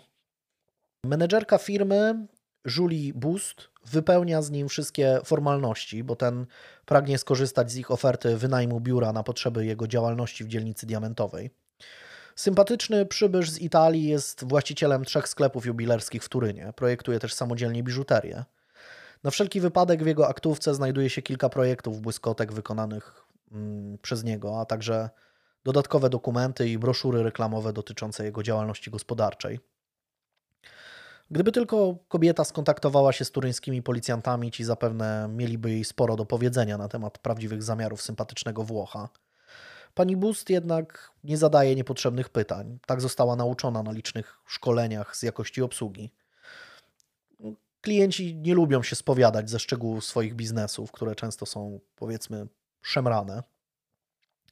Za kwotę niecałych 25 tysięcy franków, czyli równowartość 500 dolarów, Diamond Center oferuje wynajęcie biura wraz z dostępem do skrytki w skarbcu. Biznesmen, pan Leonardo Notarbartolo, składa swój podpis na dokumencie wynajmu i z czarującym uśmiechem mówi merci beaucoup. Pani Bust proponuje oprowadzić go po budynku, na co ten z radością się zgadza. Nie bez powodu to właśnie Leo zostaje wysłany do Antwerpii. Jego wybitny zmysł planowania i dostrzegania najdrobniejszych detali jest kluczowy na tym etapie przygotowań. Wraz z menedżerką Diamond Center wchodzą do windy i wjeżdżają na piąte piętro. Kobieta otwiera mu drzwi z numerem 516 i prezentuje biuro. W środku znajduje się jakieś no, podstawowe biurko, jakaś tam szafka. Notar Bartolo nie jest tym w ogóle zainteresowany, ten pokój nie będzie mu do niczego służył. Już podczas pierwszego spaceru po Diamond Center notuje w głowie najważniejsze spostrzeżenia. Liczba kamer na korytarzach jest naprawdę imponująca. Musi dowiedzieć się wszelkich szczegółów na temat funkcjonującego w budynku systemu monitoringu. Im więcej informacji, tym lepiej. Kluczowy jest producent systemu, a najlepiej konkretny model. Ważne jest także to, czy materiał z kamer jest zapisywany cyfrowo, czy na kasety, jak przechowywane są nagrania i przez jak długi czas. Notar Bartolo w towarzystwie pani Boost następnie udaje się do windy. Kobieta wciska przycisk minus dwa i już po chwili znajdują się w podziemiach budynku. Analityczny umysł Leonardo zaczyna pracować na maksymalnych obrotach. Skręcają w lewo, gdzie znajdują się pancerne drzwi do skarbca w kolorze rdzawo-brązowym. Leo od razu rozpoznaje ich producenta, holenderską firmę Lips, jedną z najlepszych w tej branży. Notar Bartolo wie, że będzie musiał im poświęcić bardzo dużo uwagi i dowiedzieć się na ich temat dosłownie wszystkiego. Drzwi są otwarte dla klientów od godziny 7 rano do godziny 19 od poniedziałku do piątku, tak jak mówiłem. Jeden z dwóch oddelegowanych do tego pracowników zamyka skarbiec na noc, a także na weekend. Pani Boost zwraca swojemu klientowi na to szczególną uwagę, bo nie ma od tej reguły żadnych wyjątków. No czyli jeśli ktoś na przykład, no nie wiem, ma zaplanowany wylot samolotem w sobotę i zapomni w piątek wyjąć swojego paszportu ze skrytki, no to niestety nie ma, nie ma przepraszam. No nie ma takiej żabki jak w niedzielę handlową, nie, nie, nie. że masz jakieś wyjście, ale Nie, właśnie, właśnie nie ma takiej opcji.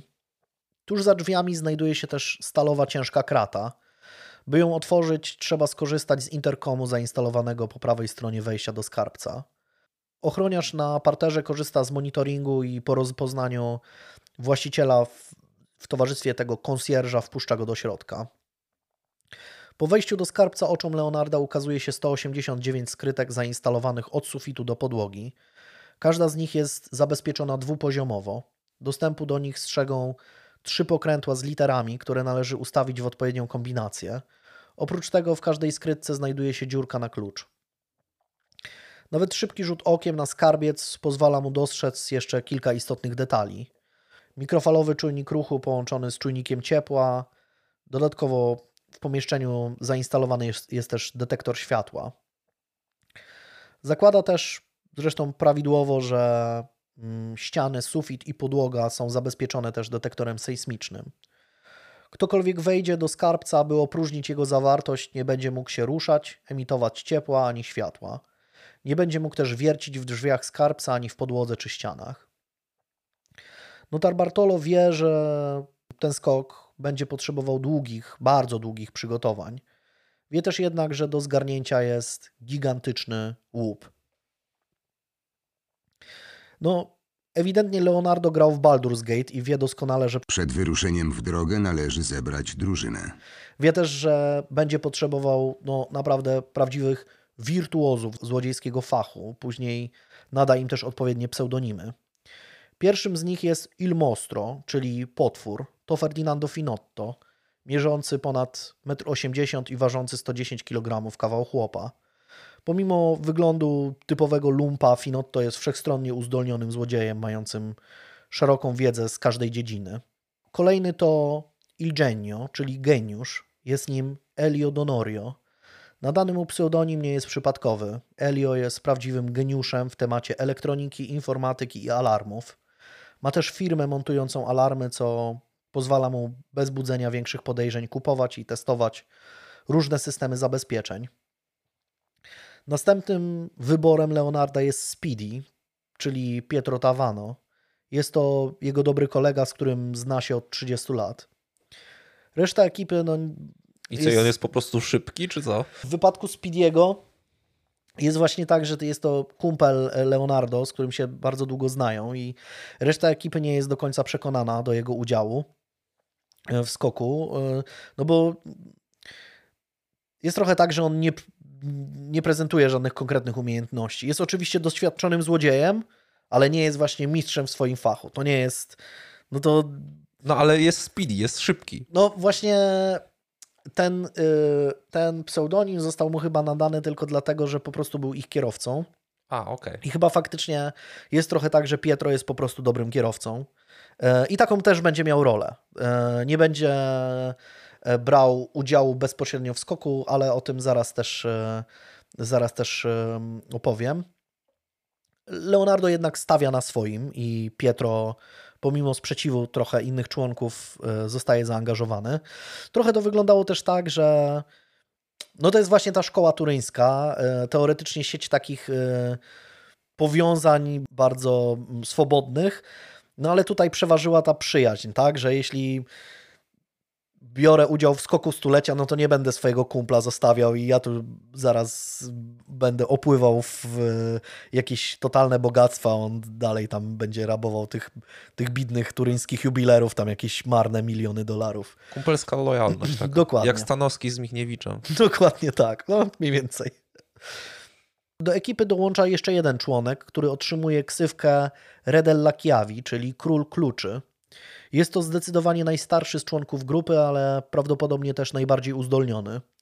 Król dysponuje bezgraniczną wiedzą na temat sejfów, zamków, kluczy, wytrychów i wszystkiego, co z nimi związane. Leonardo wie, że bez niego mogą zapomnieć o pomyślnym przeprowadzeniu akcji. Królem kluczy najprawdopodobniej jest wspomniany przeze mnie turyński ślusarz Aniello Fontanella. Trudno powiedzieć finalnie, ilu członków dokładnie liczy grupa. Policja twierdzi, że minimum siedmioro bo, bo tak naprawdę nie wiadomo, czy też nie była tam członkini. Niektórzy wskazują w, właśnie e, żonę mm, notar Bartolo, e, ale no nie wiadomo. Śledczy wywnioskują to z połączeń telefonicznych wykonywanych między członkami grupy oraz ich logowaniu w konkretnych lokalizacjach. Przygotowania trwają blisko dwa lata. Notar Bartolo wyjeżdża mniej więcej dwa razy w miesiącu do Antwerpii, Wynajmuje w mieście niewielkie mieszkanie w apartamentowcu przy Pelikanstrat, z którego piechotą może się dostać w 5 minut do Diamond Center. Spędza tam całe dnie, zbierając jak najwięcej materiałów do analizy. W tym czasie zapoznaje się też z pracownikami firmy. Zależy mu głównie na ochroniarzach i wspomnianych konsjerżach. Poznaje ich rozkłady dnia, rytuały, wszystko. Zauważa, że Wielu z nich pracuje w firmie od wielu lat, liczy więc na to, że popełniają błędy spowodowane wieloletnią rutyną. Wie też, że ludzie pracujący w obrębie Sada są tak bardzo przekonani o stuprocentowym bezpieczeństwie tego miejsca, że zupełnie tracą taką czujność po prostu. Najlepszym tego przykładem jest fakt, że na pewnym etapie Notar Bartolo dostaje od menedżerki Diamond Center plan architektoniczny ten taki rysunek techniczny całego obiektu łącznie z planem skarbca, co jest jakimś absurdem, że takie coś y, po prostu klientowi zostaje wydane. No ale zostaje wydane. Leo często przechadza się po korytarzach, wielokrotnie zjeżdża windą do skarbca. Nikt z personelu nie dostrzega, że w torbie, z którą nie rozstaje się sympatyczny Włoch, jest ukryta kamera, którą ten rejestruje materiały dla swoich kompanów. Najwięcej uwagi poświęca oczywiście stalowym drzwiom prowadzącym do skarbca. Notra Bartolo już przy pierwszym kontakcie z nimi zauważył, że zostały one wyprodukowane przez firmę Lips, jednego z liderów branży. Podczas licznych wycieczek na poziom minus dwa udaje mu się jednak ustalić całą masę szczegółów. Pomimo faktu, że nie jest to najnowszy model, to drzwi są naprawdę solidne. Próba ich przewiercenia praktycznie nie wchodzi w grę. Zajęłoby to zdecydowanie za dużo czasu i mogłoby uruchomić detektor sejsmiczny. Stalowe wrota są wyposażone w pokrętło z liczbami od 0 do 99, na którym należy ustawić sekwencję czterech liczb. Nie trudno obliczyć, że ilość możliwych kombinacji wynosi więc równo 100 milionów. Więc takie... W Polsce jest tylko jedna kombinacja. Akurat no, tutaj mm, próba takiego siłowego jakby no, ustawiania tych kombinacji no w ogóle nie wchodzi w grę. Nawet przy wykorzystaniu jakichś takich zaawansowanych technik podobno są urządzenia, które, które próbują e, no, łamać te, te szyfry, no ale no, przy takim zabezpieczeniu byłoby to mm, albo bardzo czasochłonne, w sensie bardzo, bardzo czasochłonne, albo praktycznie niemożliwe. Nie, no wiadomo, że tam jakieś są poważne szyfry, nie? To, nie to tak jak w tych statystykach, że najczęściej hasło występujące to jest 1, 2, 3, 4, nie? No, no, no. no. Wpisujesz 1, 2, 3, 4, 0, 0, 0 albo 2, 1, 3, 7 i wiesz, no, i, i, i, i, się dostajesz no, w tym wypadku, do jakiegoś Facebooka kogoś. W tym wypadku niestety, niestety nie jest tak, e, tak łatwo. Kolorowo. Drzwi są ponadto wyposażone w zamek na długi 30-centymetrowy klucz oraz alarm magnetyczny, który można wyłączyć przy pomocy klawiatury zainstalowanej na ścianie. Klucz ze względów praktycznych został fabrycznie zaprojektowany w taki sposób, by można było go rozłożyć na dwie części. I dlatego ten długi element może być schowany gdzieś blisko skarbca, może być nawet powieszony gdzieś na haczyku przy samych drzwiach. W tym wypadku akurat tak nie było, był chowany w takim składziku przy skarbcu. No a ten, tą kluczową, kluczową część klucza, czyli tak zwaną krzywkę, podobno tak to się nazywa. Nie jestem ślusarzem, ani nie, nie dorabiam kluczy, nie wiem jak to się nazywa, ale podobno się to nazywa krzywka, czyli to, no, te ząbki. I tą, ten klucz można było jakby fabrycznie złamać w cudzysłowie na dwie części. Tą małą część, tą najważniejszą nosić sobie, nie wiem, w kieszeni czy w portfelu, a ten długi, no bo to same drzwi miały 30 cm i ten zamek nie był przy, samym, przy samej tej powierzchni, tylko no, był, jest schowany głęboko, nie bez powodu.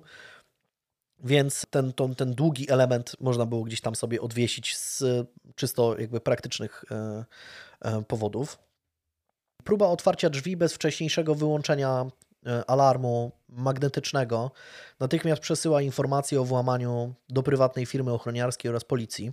Ten alarm ma formę dwóch magnesów o wymiarach 10 na 30 cm. Jeden z nich jest przytwierdzony do ramy, a drugi do samych drzwi. Gdy te są zamknięte, magnesy tworzą pole magnetyczne. No ich rozłączenie uruchamia alarm. Wprowadzenie kodu w klawiaturze wyłącza zarówno alarm magnetyczny, jak i wszystkie czujniki wewnątrz skarbca. Za ciężkimi drzwiami znajduje się ponadto stalowa krata otwierana za pomocą, tak jak wspomniałem, interkomu łączącego się ze stanowiskiem ochrony na parterze. Ona też zostaje szczegółowo sfilmowana przez Leo, choć ten wie, że akurat ona nie powinna stanowić dla nich większego problemu. I ta krata stanowi takie dzienne zabezpieczenie, czyli jak są otwarte te ciężkie wrota, to ta krata jest takim dziennym zabezpieczeniem, że jak ktoś schodzi e, do skarbca, no to tylko ta krata jakby stanowi przeszkodę, tak? Po powrocie do Turynu przekazuje reszcie ekipy wszelkie detale dotyczące zamków zainstalowanych w drzwiach, producentów zabezpieczeń oraz innych niezbędnych informacji. Narady grupy odbywają się prawdopodobnie poza Turynem, z dala od ciekawskich oczu tamtejszych policjantów – Oczywistym wyborem jest dom notar Bartolo w miejscowości Trana, oddalonej od stolicy Piemontu o jakieś 30 km. Można sobie jedynie wyobrazić, jak wyglądają ich spotkania przy stole zapełnionym szkicami i różnego rodzaju złodziejskim szpejem. Jak godzinami trwają burze mózgów dotyczące najdrobniejszych szczegółów skoku. Za każdym razem, gdy Leonardo wraca do Antwerpii, ma przygotowaną listę zadań, jak choćby wykonanie bardziej precyzyjnego wideo dotyczącego jakiegoś zamka czy czujnika. Z czasem La Scuola di Torino ma wiedzę na temat każdej przeszkody, która może stanąć im na drodze. Plan jest gotowy. Członkowie grupy pojawiają się w Antwerpii w weekend poprzedzający skok, korzystają z różnych środków transportu. Notar Bartolo przylatuje z Włoch e, samolotem, inni przyjeżdżają samochodami przez Austrię. Wszyscy są na miejscu w niedzielę 9 lutego i meldują się w mieszkaniu Leonarda. Przez kolejne kilka dni praca w RE, wciąż wprowadzane są poprawki do planu oraz przygotowanych urządzeń. Na następny dzień, 10 lutego 2003 roku, frontowym wejściem do Diamond Center wchodzi Il Genio, czyli Elio Donorio. Ma plan, jak obejść alarm magnetyczny, ale musi wykonać go samodzielnie. W ekipie to on jest specjalistą od tego typu zabezpieczeń. Stanowisko ochrony przy samym wejściu do budynku mija bez problemu. Najprawdopodobniej posługuje się identyfikatorem Leonarda, który otwiera mu bramkę wejściową do środka. Jest przygotowany na niewygodne pytania. Został wezwany przez mm, pana notar Bartolo w celu instalacji kamer w jego biurze. Ma przy sobie dokument ze zleceniem pracy, a także wizytówkę swojego zakładu. Nic jednak go nie zatrzymuje, nikt tych dokumentów nie sprawdza. Cały dzień spędza w biurze Leonarda i wychodzi z niego dopiero późnym wieczorem, gdy budynek jest już pusty. Zjeżdża na poziom minus dwa i przystępuje do pracy. Wyjmuje ze swojej torby specjalnie przygotowany kawałek metalu. Wygląda on niepozornie, ale Donorio zapewne spędził nad jego e, zaprojektowaniem dziesiątki godzin. Elio wsuwa fikuśną blaszkę między dwa magnesy, co powoduje ich złączenie. Wtedy wyjmuje narzędzia i odkręca magnesy od drzwi oraz ramy. Wie, że w wypadku niepowodzenia i przypadkowego uruchomienia alarmu o wpadce dowiedziałby się dopiero w momencie, gdy z windy wybiegliby uzbrojeni ochroniarze i policjanci. Bo jest to tak zwany cichy alarm, nie? Nie ma tam, tak jak na filmach, że zaczyna dzwonić, wyć i w ogóle, czy tam drzwi zaczynają razić prądem, tylko no, po prostu sygnał idzie do policji no, policjanci są praktycznie na miejscu, więc prawdopodobnie minęłyby jakieś dwie minuty i no i musiałby niestety rączki do góry podnieść. Nie bez powodu jednak jest nazywany geniuszem. Skraca śruby mocujące tak, by stanowiły tylko atrapę, a same magnesy przytwierdza do drzwi i ramy przy pomocy silnej taśmy dwustronnej.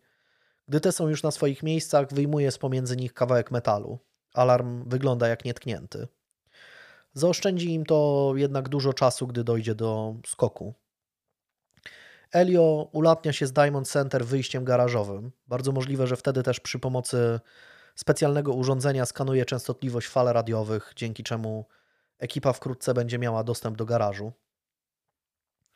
No, klienci Diamond Center nie mają takiego mm, dostępu do samodzielnego otwiera, otwierania tych drzwi garażowych. E, zawsze muszą najpierw skontaktować się z konsjerżem, on wtedy otwiera te drzwi po zweryfikowaniu, kto to jest. Swoje zadania ma też Leonardo. W ciągu ostatnich dni przed akcją chodzi do skarbca dwa razy dziennie. Zapewne między innymi po to, by sprawdzić, czy nikt nie odkrył roboty Elia. Tak się jednak nie stało. Leo ma jednak jeszcze jedno ważne zadanie. Gdy nikt nie patrzy, wyjmuje ze swojej torby zwykły lakier do włosów w sprayu i pryska nim na czujnik ruchu. Nie wykluczono, że to też pomysł Elia. Cienka warstwa zaschniętego lakieru do włosów całkowicie unieszkodliwia zabezpieczenie. Finotto jako jedyny nie wychodzi z mieszkania ze względu na fakt, że w Belgii wciąż ma wyrok za próbę włamania do banku. Pozwala sobie mm, na wyjście tylko w czwartek. Idzie wtedy do supermarketu za rogiem, gdzie robi zakupy dla całej ekipy. No, klasyczni Włosi, niezależnie od sytuacji, lubią sobie dobrze zjeść, więc nawet e, zachował się paragon z tych zakupów. No to oczywiście tam jakaś mozzarelka, jakieś tam dobre salami, różne tam mięsa, oczywiście wszystko włoskie pomidory, włoskie wino, dużo tego jest. To zabrzmi jak ten y, Sławek i Jedek ten film, no. Kojarzysz ten? tak, tak, tak. Mówi, no ale co, i co, i co? No, no i pietruszkę, i marchew, no i co, i co, i co? No, no i ziemniaki. No i on właśnie on właśnie robi takie no, dość grube zakupy i no, zapewnia swoim kolegom porządną wyżerkę przed skokiem. Sobota 15 lutego nie jest terminem przypadkowym. W ten weekend w Antwerpii odbywa się coroczny kobiecy turniej tenisowy Proximus Diamond Games, który ściąga sporą widownię, w tym oczywiście bogatych handlarzy diamentami. Z tego co czytałem, ja szczerze mówiąc jakoś nie pasjonuję się za bardzo tenisem ziemnym, ale w przeciwieństwie do stołowego, ale ale mm, w tym Proximus Diamond Games jest tak, że jeśli y, trzy razy z rzędu wygra się w singlu, to otrzymuje się rakietę wysadzaną diamentami. Jakiś w ogóle, no też wartą gazyliony dolarów. I wtedy takim, taką gwiazdą, która wtedy grała i była faworytką do wygrania po raz drugi, e, była Venus Williams. Zresztą wygrała wtedy. Niestety trzeci raz w 2004 już jej się nie udało i nie dostała rakiety. Ponadto dzień wcześniej w walentynki odbył się ślub dyrektora generalnego Diamond High Council. Z taka, no, jakiś tam urząd związany z diamentami. Zaproszono tam oczywiście sporo osób pracujących w dzielnicy, więc ci wszyscy handlarze albo oglądali mm, ten, ten, ten, ten turniej tenisowy, albo byli na imprezie. Więc no, można było liczyć na to, że okolica będzie pusta i nie będzie wielkiego ruchu. I złodzieje będą mieli większą swobodę działania. Akcja rozpoczyna się kwadrans przed północą. Część grupy wraz ze sprzętem podjeżdża samochodem z boku Diamond Center pod drzwi garażowe. Kierowcą jest Pietro Tavano. Nie muszą oczywiście forsować żadnych barier, bo tylko wejście frontowe budynku jest położone w części sada. Tak jak mówiłem, jest to dość duży budynek i wjazd do garażu już jest poza sada i nie jest w żaden sposób strzeżony. Jedynym problemem jest stojąca, stojąca jakieś 50 metrów od nich e, budka policyjna. Donorio przy pomocy swojego urządzenia otwiera bramę już po chwili złodzieje z dużymi torbami na ramionach są w środku. Tawano upewnia się, że nie wzbudzili niczyich podejrzeń, po czym wraca do mieszkania, gdzie nasłuchuje radia ustawionego na częstotliwość policyjną. Gdyby włączył się cichy alarm, będzie mógł od razu powiadomić o tym kolegów. Ciężka robota infiltracyjna Leonarda opłaciła się. Odkrył on, że z garażu można się dostać bezpośrednio do głównego budynku przez zwykłe drzwi zamykane na zwykły zamek. Jedyne, przez które można się dostać do budynku bez skanowania tego identyfikatora, czyli no, z pominięciem jednej warstwy zabezpieczeń. Ich otwarcie no, oczywiście nie stanowi najmniejszego problemu, mają do nich przygotowany klucz. Poruszając się po korytarzach, nie obawiają się kamer, wiedzą, że nikt o tej porze na bieżąco nie sprawdza tego monitoringu. To jest kolejna rzecz, którą Leonardo zauważył. Czyli e, kasety w nocy są nagrywane, tylko, znaczy ten monitoring jest nagrywany w nocy na kasety, ale nie ma tak, że ktoś patrzy na te monitory. Prawdopodobnie już 15 minut po północy są na poziomie minus 2. Wtedy notar Bartolo kontaktuje się telefonicznie z Tawano, by poinformować go o postępach. Przed zapaleniem światła w korytarzu ktoś w razie czego zasłania obiektyw kamery. Wtedy Elio instaluje sprawdzony już kawałek metalu między magnesami, po czym odkleja oba elementy od ramy i drzwi. Ekipa stoi teraz teoretycznie przed największym wyzwaniem, czyli trzytonowymi pancernymi drzwiami. Jak poradzili sobie z ich otwarciem, pozostaje jednak tajemnicą. Policja skłania się ku teorii, że nad wejściem do skarbca zainstalowana została kamera, która pozwoliła złodziejom przyjrzeć się wprowadzanej przez konsjerża kombinacji. Bardzo możliwe jest też to, że rutynowo działający pracownicy, obawiając się, że zapomną kombinacji, nigdy nie ruszali pokrętła. Zabezpieczenie to nie było wyposażone w funkcję takiego automatycznego resetowania tego ustawienia, więc w momencie, gdy ręcznie nie wyzerowano tej kombinacji, element ten był bezużyteczny. I do tej wersji skłaniają się głównie e, agenci ubezpieczeniowi, którzy po prostu nie chcą wypłacić e, odszkodowania. Ale jest to, powiedziałbym, bardzo, bardzo możliwe. Właśnie na to liczył Leonardo, że zje ich rutyna. I no w sumie logicznie myśląc, i tak bez klucza i bez deaktywacji alarmu magnetycznego nie dało się wejść do skarbca, więc mogli sobie pomyśleć, że e, tam tu trzeba znać ten kod do tego alarmu, tu trzeba inną kombinację i po co to wszystko spamiętać. Tak jak niektórzy ludzie y, w portfelach trzymają kartki z pinem wpisane, nie? Tak, albo mają na, kartę al, swoją i pin y, na Tak. karteczce zapisany. tak, tak, tak, albo nawet na karcie mają. No, tak. albo na, o Jezu, No, na więc- karcie to już w ogóle. No, ale, ale podobno, podobno zdarza się to, albo czasami na zdjęciach z jakichś urzędów jest, e, nie wiem, komputer i na komputerze jest hasło do systemu Tak. jakiegoś, nie? Na karteczce. Więc no... y, Brzmi to może absurdalnie, ale ktoś, kto, mówię, wpadł w rutynę totalną i, i co więcej, jest bardzo pewny tego, że to jest na tyle bezpieczne, że nawet nikt by do głowy by nikomu nie przyszło, żeby tu się włamać, po prostu działa w taki totalnie rutynowy sposób i, i traci czujność. E, W takim układzie bardzo możliwe, że drzwi zabezpieczał jedynie alarm magnetyczny i klucz. Notar Bartolo podczas swojej dwuletniej misji szpiegowskiej zdobył informacje również na temat klucza. Jak się okazało, w skrzynce znajdującej się w niewielkim pomieszczeniu technicznym tuż obok skarbca, leniwi konsjerze przechowywali nie tylko ten długi element klucza, ale też jego krzywkę. Zwykłe sklejkowe drzwi w kilka sekund zostają otwarte przy użyciu łomu i już po chwili cud techniki antywłamaniowej może zostać z łatwością otwarty. Przed otwarciem skarbca złodzieje muszą albo całkowicie zgasić światło w korytarzu, albo posługiwać się specjalnymi lampami, których promienie nie są wykrywane przez czujnik, bo cały czas detektor światła jest aktywny, a alarm nie został e, dezaktywowany. Stalowa krata strzegąca wejścia, choć wygląda solidnie, nie stanowi większej przeszkody, również zostaje wyłamana przy użyciu łomu. Czujnik światła zostaje unieszkodliwiony z kawałkiem zwykłej czarnej taśmy montażowej. Dla pewności sensor ruchu i ciepła, wcześniej spryskany lakierem do włosów, zostaje zasłonięty specjalnie przygotowaną styropianową obudową. No i większość zabezpieczeń jednego z najpilniej strzeżonych skarbców na świecie staje się bezużyteczna przy użyciu materiałów o wartości kilkudziesięciu dolarów, które mógłbyś sobie kupić w jakimś Leroy Merlin. Najdroższym i najbardziej skomplikowanym elementem całego skoku jest specjalnie przygotowane urządzenie, które ma za zadanie otworzyć skrytki. Kasetek jest łącznie 189, więc zdobycie kluczy do każdej z nich lub próba otwierania ich wytrychem jest no, praktycznie niemożliwa. Drzwiczki skrytek nie są oczywiście tak trwałe jak drzwi skarbca, ale przewiercenie się przez każdy zamek nie wchodzi w rachubę. Przede wszystkim ze względu na ograniczenie czasowe, ale też ze względu na to, że nikt nie wie, jak czuły jest ten detektor sejsmiczny.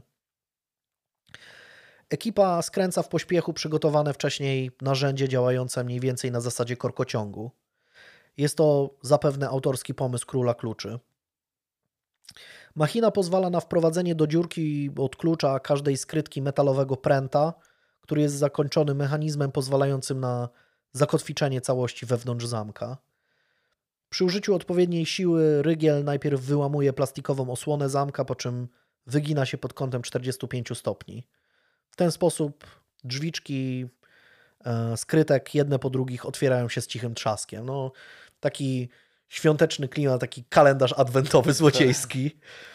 Grupa dzieli się obowiązkami, zapewne Finotto, najroślejszy i najsilniejszy, obsługuje ten w cudzysłowie korkociąg, a reszta opróżnia skrytki i pod czujnym okiem Leonarda pakuje najbardziej wartościowe łupy.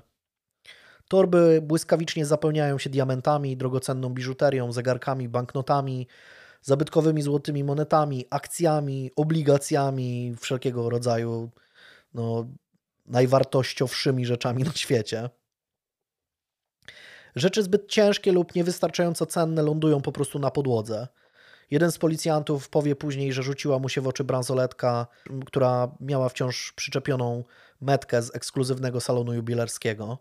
Jej cena była dobrze widoczna, bo błyskotka była warta 35 tysięcy dolarów. Jeszcze inna osoba, e, akurat poszkodowana w tej sprawie, powie, że najnormalniej w świecie na podłodze leżała sztabka złota. Więc no, to daje pewien ogląd, że dla złodziei to były zwykłe śmieci. W pewnym momencie członkowie tej szkoły turyńskiej natrafiają na przeszkodę. Przy próbie wyłamania jednej ze skrytek element kotwiczący korkociąg w zamku pęka. Są na to oczywiście przygotowani, jednak po zamontowaniu zamiennika i podjęciu ponownej próby ponownie dochodzi do tej samej awarii. Jest to jedyna rzecz, której nie przewidzieli. Część skrytek jest wyposażona w nowszą wersję zamka, w którym plastikowa osłona została zastąpiona dużo trwalszym stalowym odpowiednikiem. W wyniku tego problemu złodziejom udaje się otworzyć 109 ze 189 skrytek, ale mimo to ich torby są wypełnione po brzegi. Notar Bartolo kontaktuje się z Pietrem, by ten czekał na nich przy garażach, po czym wszyscy wracają tą samą drogą, którą przyszli. Po drodze jeden z członków grupy przy użyciu dorobionego klucza wchodzi do pokoju ochrony, wyjmuje z dwóch wideorejestratorów kasety z nagraniem z kamer, zabiera też z szafy cztery kasety opisane datą 10 lutego, na których zapewne nagrany został Elio, gdy sabotował alarm magnetyczny. Jest krótko po 5.30 rano, gdy drzwi do garażu się otwierają. Skok zostaje zakończony no, praktycznie całkowitym powodzeniem. Po krótkim przejrzeniu łupów w mieszkaniu złodzieje dzielą go wstępnie między siebie. Nie robią tego ze względu na brak zaufania, po to, by zminimalizować ryzyko. Chwilę odpoczywają i jedzą coś na szybko, i cała ekipa rusza z powrotem do Włoch. Leonardo przed wyjazdem robi sobie kanapkę z salami, ale nie dojada jej do końca. Resztkę wyrzuca do śmietnika. No, wkrótce Mm, przekonacie się, że Bozia ukaże go za marnotrawstwo. No, grał w tego Baldur's Gate'a zamiast czytać Norwida, który mówił, że do kraju tego, gdzie kruszynę chleba podnoszą z ziemi przez uszanowanie dla darów nieba tęskno mi panie. Jemu najwidoczniej nie było tęskno, bo no bo jak to się mówi, kobyła go wychowała i jedzenie wywalał do śmieci. No tak się nie robi po prostu. Tak się nie robi. Panowie, wychodzimy. Zaraz po tym Leonardo jedzie wraz z Pietrem wypożyczonym Peugeotem. Chcą wrócić do słonecznej Italii przez Francję. Po drodze jednak mają za zadanie pozbyć się worków ze śmieciami z mieszkania. Poniedziałek rano policyjni technicy pracują już w podziemiach Diamond Center. Dość szybko staje się jasne, że sprawcy byli bardzo dobrze przygotowani do skoku.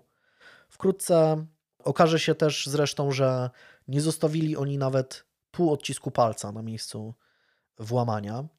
Szczęście jednak sprzyja funkcjonariuszom, bo jeszcze tego samego dnia na policję dzwoni pewien bardzo zdenerwowany emeryt. August van Kamp, mieszkający na przedmieściach Brukseli, jest osobą bardzo wrażliwą na punkcie ochrony środowiska. W wolnym czasie jeździ więc po okolicznych lasach, tępiąc cymbałów śmiecących po okolicy. Gdy kontaktuje się z policją, informując o kolejnych syfiarzach, zostaje potraktowany raczej pobłażliwie. Van Kamp jest jednak do tego przyzwyczajony i nie odpuszcza. Wcześniej zajrzał do worków i znalazł w nich kilka interesujących rzeczy. Gdy wspomina policjantom, że to skandal, że bogacze z antwerpskiej dzielnicy diamentowej wywalają worki ze śmieciami w lesie, radiowozy zjawiają się w okamgnieniu, bo policjanci no już wiedzą, o co może chodzić. No byłoby to faktycznie dziwnie, dziwne, gdyby ludzie handlujący diamentami wozili śmieci 50 km od Antwerpii, żeby je wywalić w lesie przy autostradzie. No ale wiesz, ile teraz opłaty są za wywóz śmieci? No wiem, ale znaczy, jak to się mówi, oszczędzają bogaci i nam się opłaci, ale. ale żeby aż tak.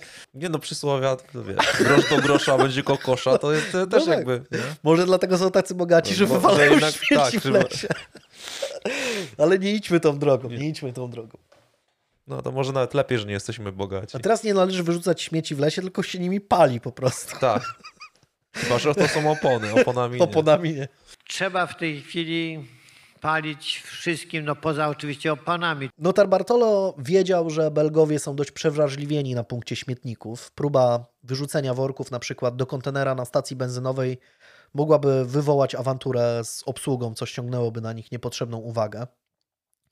Zjechali więc wtedy z autostrady E19 między Antwerpią a Brukselą, zboczyli na leśną ścieżkę i tam pozbyli się worków. Zaraz potem ruszyli do Włoch. Nie mieli prawa przypuszczać, że ze wszystkich belgijskich lasów wybrali najgorszy.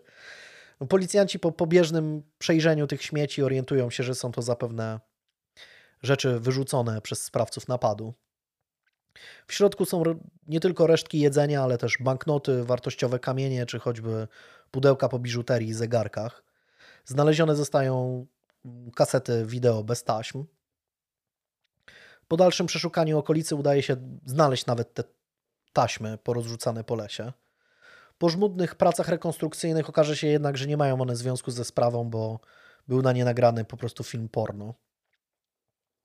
Po szczegółowym zbadaniu zawartości worków policjanci znajdują też podartą fakturę wystawioną na firmę należącą do jednego z klientów Diamond Center, pana Leonardo Notar Bartolo.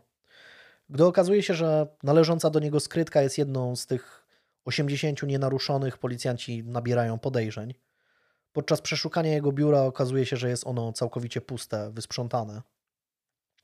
W ten sposób Leonardo staje się głównym podejrzanym. Jakby tego było mało, w środku znajduje się też, w tych śmieciach znajduje się wizytówka Elia Donorio, którą ten miał ze sobą dla uwiarygodnienia swojej wizyty w budynku Diamond Center. Antwerpscy policjanci kontaktują się ze swoimi kolegami z Włoch, a ci opowiadają im o bogatej kryminalnej przeszłości obu dżentelmenów. No I można powiedzieć, że tutaj doszło do jakiejś takiej. To jest w ogóle, w ogóle absurd, że oni przygotowują się dwa lata do, do tego skoku, a później wszystko na tacy wyrzucają Znaczy, w workach do śmieci. z jednej, z jednej strony, oczywiście tak. Z drugiej, wydaje mi się, że no pozbyli się tych worków z dala od Antwerpii. No nie wyrzucili ich do śmietnika gdzieś tam przed tym Diamond Center. E, no po prostu chyba nie zało... To jest No, też, ale to ale też to jest są- też trochę jeżeli- różnica pomiędzy włoskim a belgijskim podejściem, wydaje mi się, że oni sądzili, że wywalą te śmieci i nawet jeśli ktoś je znajdzie, to po prostu, za, nie wiem, przyjedzie jakiś tam służba, nie wiem, jak to tam, komunalne usługi, tak?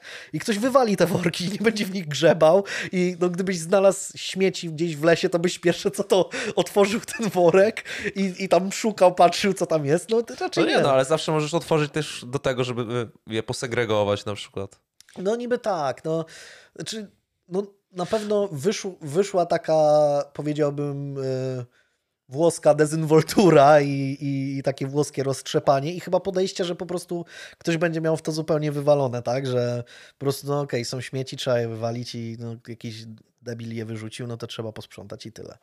No, a podobno Belgowie są przeczuleni na punkcie tego, a zwłaszcza pan August Van Kamp jest chyba, wtedy przynajmniej, nie wiem, czy, czy ten człowiek żyje, ale chyba cały czas żyje. Był najbardziej przeczuloną osobą w promieniu jakichś 150 kilometrów na tym punkcie. No mieli strasznego pecha. Myślę, że gdybym to ja znalazł te śmieci, to bym po prostu, nie wiem, albo sam je spakował do bagażnika i wywalił, tak? I, i nie patrzyłbym, czy tam są jakieś faktury, czy coś. No, Myślę, że tak bym się zachował, nie? I może oni też mieli takie podejście, że jeśli ktoś się na nie natknie, to nie będzie w tych śmieciach grzebał, a tym bardziej no, faktura, co więcej, ta faktura, ona nie była w całości, tylko była podarta i, i to tak na, nie wiem, no tam No dziesiątki... wiesz, te fa faktury to jest mniejsza kwestia, no ale jeżeli tam, są, tam były jakieś... Yy tam te pudełka po drugich zegarach też mhm. mniejsze, nie? No ale mówiłeś, że tam były też jakieś kamienie drogocenne. Tak, tak, to, tak. To... Znaczy, no nie, nie, nie było, to nie było tak, że one tam były po prostu, nie wiem, jakiś wielki szafir albo sztaba złota w reklamówce, tylko no, yy, no te kamyczki są małe, więc mogli też dojść do wniosku, że jeśli to będzie wymieszane z jakimiś tam, nie wiem, starym chlebem i opakowaniami po jogurtach, no to nikt nie będzie w tym grzebał i doszukiwał się jakiś tam ten. No, popełnili błąd. Popełnili błąd, który będzie ich y, sporo kosztował, ale zaraz y, do tego, mm, do tego dojdziemy. Antwerpscy policjanci kontaktują się ze swoimi kolegami z Włoch, a ci opowiadają im o bogatej kryminalnej przeszłości obu dżentelmenów. Notar Bartolo wraca do Belgii w piątek 21 lutego. Nie wie oczywiście, że śledczy mają mocne poszlaki wskazujące właśnie na niego. Ma do wykonania jeszcze kilka zadań. Chce przede wszystkim zwrócić samochód do wypożyczalni, ale też dokładnie posprzątać mieszkanie, zanim rozwiąże umowę najmu. Wie też, że policja będzie podejrzewała, że za skokiem może stać ktoś z klientów firmy. Planuje więc przynajmniej raz przejść przez bramki w Diamond Center, by system zarejestrował jego wizytę. Krótko po tym, jak wchodzi do budynku, zostaje zatrzymany przez policję, a już po krótkim przesłuchaniu aresztowany. Za sam napad grozi mu maksymalnie 5 lat więzienia. Belgijskie prawo nie przewiduje wyższej kary e, za takie przewinienie, niezależnie od wartości ukradzionych dóbr. E, wkrótce słyszy zarzut kradzieży z włamaniem, a także zarzut przewodzenia grupie przestępczej. Za każdy z tych zarzutów prokurator domaga się 5 lat, czyli łącznie grozi mu 10 lat odsiadki. Po, po kilku odroczeniach terminu proces rozpoczyna się w końcu 10 marca 2005 roku. Na ławie oskarżonych zasiada tylko Leonardo. Pozostali członkowie grupy, których udział w skoku udało się udowodnić, czyli Tavano, Finotto i Donorio są sądzeni in absentia. Kluczowymi dowodami okazują się badania DNA. Próbki zabezpieczone na niedojedzonej kanapce będą tożsame z próbkami pobranymi od Leonarda. DNA zabezpieczone na butelkach z wodą w lodówce w mieszkaniu w Antwerpii okazało się należeć do Finotto. DNA Pietra Tawano również zostanie znalezione zarówno na przedmiotach w śmieciach, jak i w mieszkaniu, a DNA Elia zostaje znalezione na taśmie klejącej, która została użyta w skoku. Obrona notar Bartolo skupia się na tym, by podważyć zasadność zarzutu przewodzenia grupie przestępczej. W końcu w maju 2005 roku zapada wyrok. Znaczy, tym, ta, głównie chodzi o to, żeby zamiast 10 lat odsiedział 5, bo jakby dowody były na tyle mocne, że, że, brał udział w napadzie, ale nie były na tyle mocne, żeby udowodnić, że to on był szefem całej, całej grupy. W końcu w maju 2005 roku zapada wyrok. Leonardo zostaje skazany na 10 lat więzienia oraz karę grzywny w wysokości miliona euro. Pietro, Elio i Ferdinando zostają skazani na 5 lat więzienia oraz karę grzywny w wysokości 5000 euro, co w ogóle jest jakimś śmiechem. Sąd ponadto nakazuje całej czwórce zapłacenie nawiązki o łącznej kwocie 4,5 miliona euro na rzecz poszkodowanych. E, oczywiście poszkodowani nie, nie zobaczą ani centa. Leonardo trafia do więzienia w mieście Hasselt, podczas gdy jego koledzy cieszą się wolnością we Włoszech, jednak do czasu. Do listopada 2007 roku zmieniają się jakieś tam ustawy dotyczące, te europejskie zasady dotyczące e, ekstradycji i mm, tego europejskiego nakazu, nakazu. aresztowania. No i mm, niestety no do tego czasu pozostała trójka również trafia do pierdelka. Ekstradycja dochodzi do skutku wyłącznie w wypadku mm, Elia. Tawano i Finotto odsiadują swoje wyroki we włoskich więzieniach. Czy odsiadują? Już nie odsiadują. E, łupu do dzisiaj nie udało się odnaleźć, więc pewnie tak już pozostanie. Oficjalna wartość zrabowanych dóbr w oparciu o deklarację poszkodowanych to 108 milionów dolarów. Jeśli skorygujemy tę kwotę o wskaźnik inflacji, wyjdzie nam wartość 175 milionów dolarów po jakby dzisiejsze warunki. Policjanci zajmujący się sprawą twierdzą jednak, że kwota ta jest znacznie niedoszacowana. Biznes diamentowy jest w dużej mierze robiony pod stołem, między innymi ze względu na unikanie opodatkowania, a także ze względu na pochodzenie samych diamentów. Często są to kraje, gdzie, gdzie ludzie są wykorzystywani w jakichś nieludzkich warunkach, więc no, tak naprawdę samo pozyskiwanie diamentów bardzo często jest przestępstwem. Aż 30 poszkodowanych w ogóle nie wyceniło swoich strat, nie będąc w stanie lub nie chcąc określić wartości skradzionych bogactw. Detektyw Pace, zajmujący się sprawą, twierdzi, że w nocy z 15 na 16 lutego złodzieje wzbogacili się więc o kwotę nawet aż pięciokrotnie wyższą, która dzisiaj wyniosłaby blisko 875 milionów dolarów. W przeliczeniu na złotówki daje to kosmiczną sumę 3 miliardów 800 milionów złotych. No i na samym końcu, w styczniu 2009 roku z więzienia wyszedł Elio Donorio, czyli no, można powiedzieć, że za dużo sobie nie posiedzieli. W marcu tego samego roku Leonardo Notarbartolo, który przesiedział i tak najwięcej, no bo on był też aresztowany wcześniej, e, Ferdinando Finotto i Pietro Tavano zakończyli odsiadkę w lipcu. Więc e, cieszą się e, już wolnością.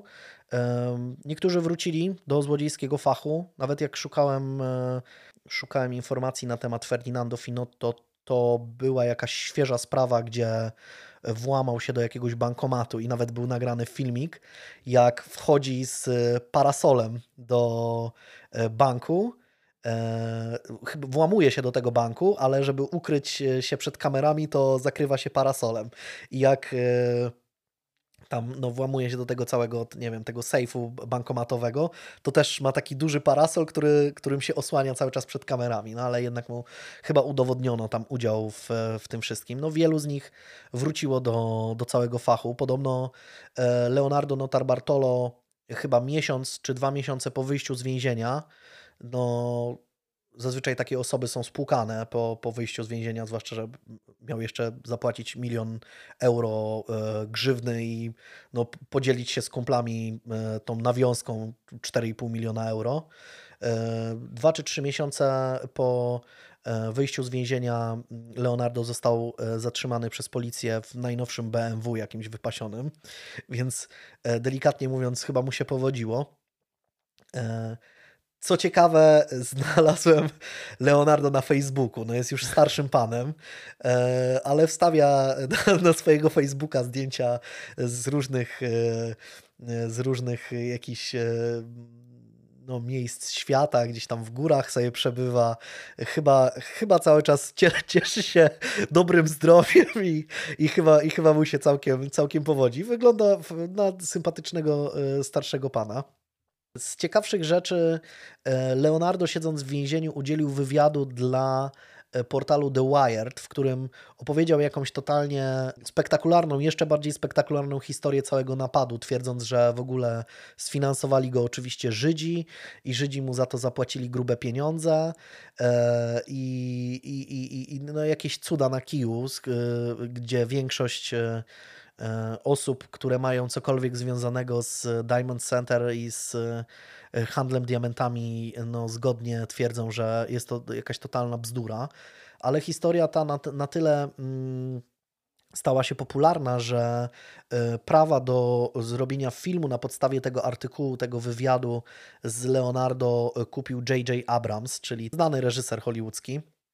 Film nie powstał, ale Szukając informacji na temat e, całej sprawy, przeczytałem, że Amazon obecnie ma prawa do, do tej historii, ale już tej, mam nadzieję, tej, tej właściwej. I niedługo powstanie e, serial e, na tej, na tej podstawie. Moim głównym źródłem była książka Flawless, która jest zresztą fantastyczna i no, jest dużo bardziej szczegółowa niż to, o czym, o czym ja mówiłem. Ona też się skupia w dużej mierze e, na, samym procesie, który też był e, bardzo ciekawy. Więc ją polecam. E, y, Jest, jest naprawdę dobra. Jak będziecie chcieli, znaczy znajdziecie sobie dokładnie e, autorów e, w źródłach. Można ją kupić w e-booku na, gdzieś tam na anglojęzycznych stronach. Jest trochę zdjęć, więc, Więc wstawię, to znaczy tych głównych sprawców e, są, są, ich, są ich zdjęcia. A jeśli ktoś chce, no to Leonardo Notar Bartolo na Facebooku może sobie wpisać, zobaczyć jak się, jak się panu powodzi. No jak się ma zaplecze w postaci mm, 3 miliardów złotych, blisko 4 miliardów złotych, no to, że tak powiem, można się pobawić. No, jest czym chleb smarować. Ale to jest mówi. podobna kwestia jak z tym y, oszustem z Tindera, nie? który był na Netflixie. No chyba też wyszło, że, na, że później można było na Facebooku czy na Tinderze Tak, tak, znaleźć, tak, nie? tak, tak. No, no. Cały czas Ale no, w, świetle, w świetle belgijskiego prawa e, Leonardo od- odsiedział jakby swoje, swoje, swój wyrok. E, Sytuacja też wygląda tak, że teoretycznie e, nawet gdyby on miał cały czas ten łup, to nie da się go jeszcze raz sądzić za to samo, nie? To znaczy, mm, no teoretycznie, jeśli, jeśli on y, nie udowodni się mu, a w wypadku diamentów jest to praktycznie niemożliwe, jeśli nie udowodni się mu, że e, te diamenty pochodzą akurat z przestępstwa, no to on może sobie z nich A spokojnie... to chyba w każdym prawie jest tak, że nie możesz być korzystać. dwa razy skazany za jedno, nie? Tak, tak, tak. no jakby, no. jakby się chciało, to by, no wiesz, za paserkę jakąś czy coś pewnie No można ale, nie jesteś, bardziej w takim no, ale nie stopniu, jesteś w stanie mu udowodnić, nie? Jeśli on ma gdzieś piwnicy schowaną torbę w postaci, nie wiem, 100 kg diamentów, no to I powie, że znalazł w lesie. i, no, i powie, że znalazł w lesie, no to, no to, no to nie, nie ma możliwości praktycznie jakoś wpłynięcia na to. No mówię, najwidoczniej cieszy się, cieszy się dobrym zdrowiem. Można sobie sprawdzić na, e, na Facebooku. E, To wszystko. I co? I, i słucham Ciebie.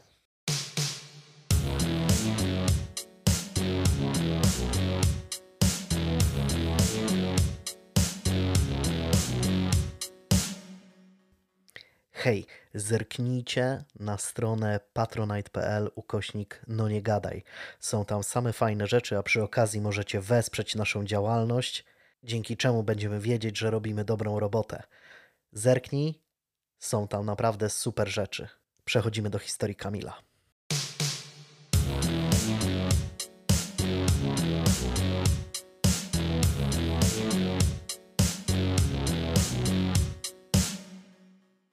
Dzisiaj u mnie historia z 21 grudnia 1908 roku. Może nie świąteczna, też pytałeś mnie, czy, czy może mi się trafi jakaś świąteczna, no ale około, około świąteczny termin, więc, więc tyle, tyle mo można zaoferować. Wieczorem, krótko po godzinie siódmej, yy, zjawiła się w posterunku zachodniego dystryktu policji w Glasgow służąca Helen Lambie. Jej zachowanie, mimika i wygląd wskazywały, że musiało się coś poważnego stać. Ciężko jakby pracować na policyjnej dyżurce, nie potrafić wyczuć jakby z emocji i zachowania, kto jest prawdziwym pokrzywdzonym, a kto jest takim tylko zwykłym wątrobiarzem, który przyszedł coś tam, coś tam, wiesz, po, pościemniać albo być sześćdziesiątą. Mimo, że w tym okresie, jak to w grudniu w Glasgow było paskudnie zimno, to zawiadamiająca miała na sobie tylko cienką czarną sukienkę pokojówki, na twarzy jej zaś malowało się wzburzenie, kierujące myśli do tego, że musiało zostać wywołane jakimś straszliwym przeżyciem. Zatrwożonym głosem doniosła, że jej pani, 82-letnia niezamężna Marion Gilchrist, została zamordowana. Opowiedziała, że około wpół do siódmej kobieta wysłała ją po gazetę wieczorną, a kiedy wróciła, odkryła przerażający widok. W pokoju znalazła Miss Gilchrist leżącą w wielkiej kałuży krwi obok jednego z ciężkich krzeseł obitych skórą. Od razu na miejsce wraz z pokojówką wysłano dwóch policjantów. Morderstwa dokonano w domu na West Princess Street numer 15, należącym do zamordowanej. Kiedy obaj policjanci rozejrzeli się po domu, znaleźli na pierwszym piętrze zamaskowane tapetą drzwi prowadzące do sąsiedniej posesji numer 14. Za drzwiami znajdowały się trzy dalsze pomieszczenia, które były umeblowane tak, jak gdyby służyły za miejsce spotkań dla większego grona osób. Pokojówka Helen Lambie była szczerze zaskoczona, kiedy policjant wszedł przez odkryte drzwi i zaczął się rozglądać po pokojach. Zapewniała, że w ciągu trzech lat swojej służby nie zauważyła nigdy ukrytych pomieszczeń. Dodała, że za dnia jej pracodawczyni na pewno nie korzystała z tych pokoi, gdyżby to z pewnością dostrzegła. A gdy policjant zapytał o noc, ta odpowiedziała tylko wymijająco: Cytuję: Nie mogę panu o tym nic powiedzieć. Służba moja trwała każdego dnia tylko do siódmej wieczorem. Miss Gilchrist rygorystycznie pilnowała tego, bym punktualnie opuszczała jej dom. Tymczasem wielkim, wybitym boazerią pokoju numer 15 drugi wysłany na miejsce policjant znalazł zamordowaną właścicielkę, tak jak to opisywała pokojówka. Marion Gilchrist leżała w wielkiej kałuży krwi tuż przy tylnej prawej nodze krzesła wyścielanego skórą. Krzesło nie stało w jednym szeregu z innymi, tylko na samym środku pokoju i było całe we krwi. Ponieważ poza tym nigdzie nie było żadnego podejrzanego narzędzia, żadnego nie wiem, noża, granatnika czy cokolwiek, więc policjant jakby nie musiał być wyjątkowo błyskotliwy, tak, aby wnioskować, że, że ta starsza pani została zabita tym właśnie ciężkim krzesłem. Nieopodal miejsca wystąpienia czynu stała pod ścianą staroświecka, bogato rzeźbiona sekretera. Sekretera to jest yy, coś takiego, jest takie połączenie jakby komody i biurka, taka, taka, takie stare, coś, coś w Mhm. tym stylu.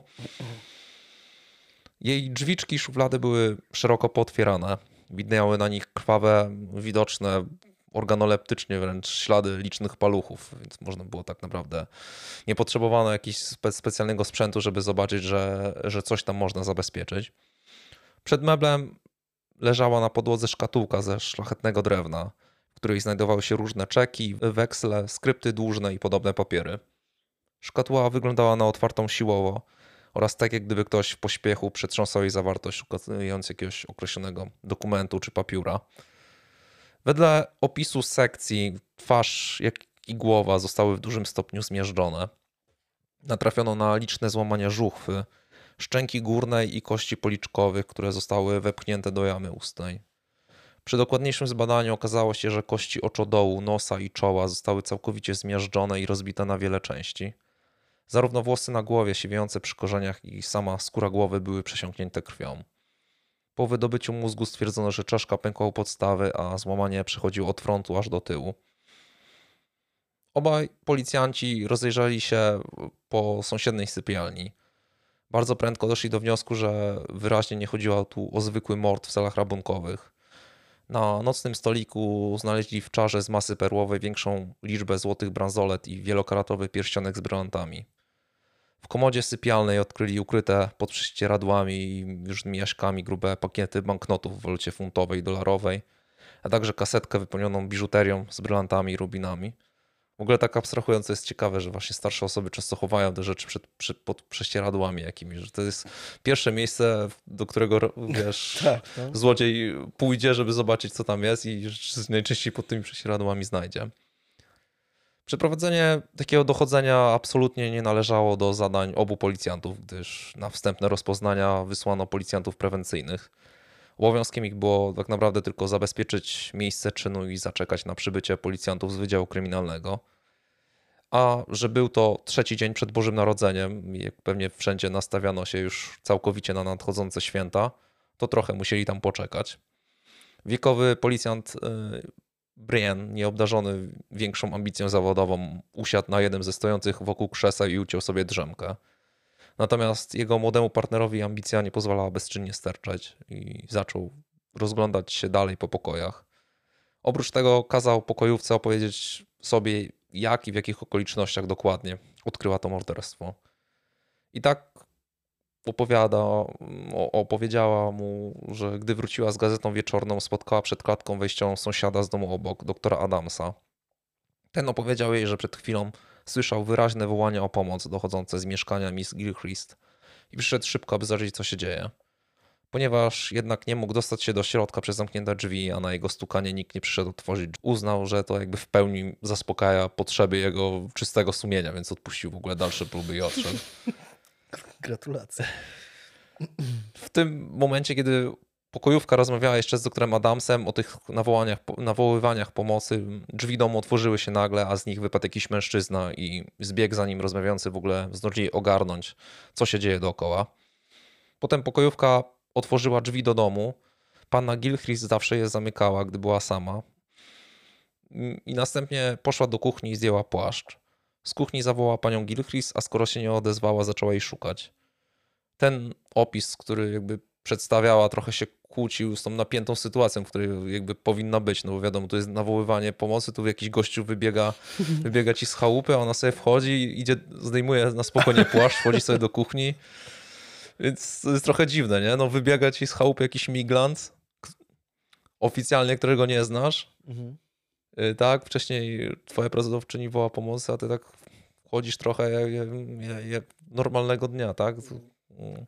Więc to jest trochę dziwne. No ale jednak opowiedziała, że właśnie w ten sposób znalazła denatkę w jej pokoju mieszkalnym. Policjant zapytał z wyraźną podejrzliwością, która, jak mówię, no, sz- szybko się nasuwa. Y, Cytując, najpierw poszła pani do kuchni i tam zdejmowała sobie powolutku płaszczyk, a przecież usłyszała pani od sąsiada, że Miss Gilchrist woła o pomoc. I widziała pani, jak zupełnie obcy mężczyzna wyrywał pędem z domu.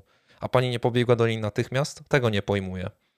Helen Lambi spojrzała na policjanta zaskoczona, odpowiadając: Co tu jest niemożliwego do pojęcia? Czy poszłam wpierw do kuchni, czy nie poszłam?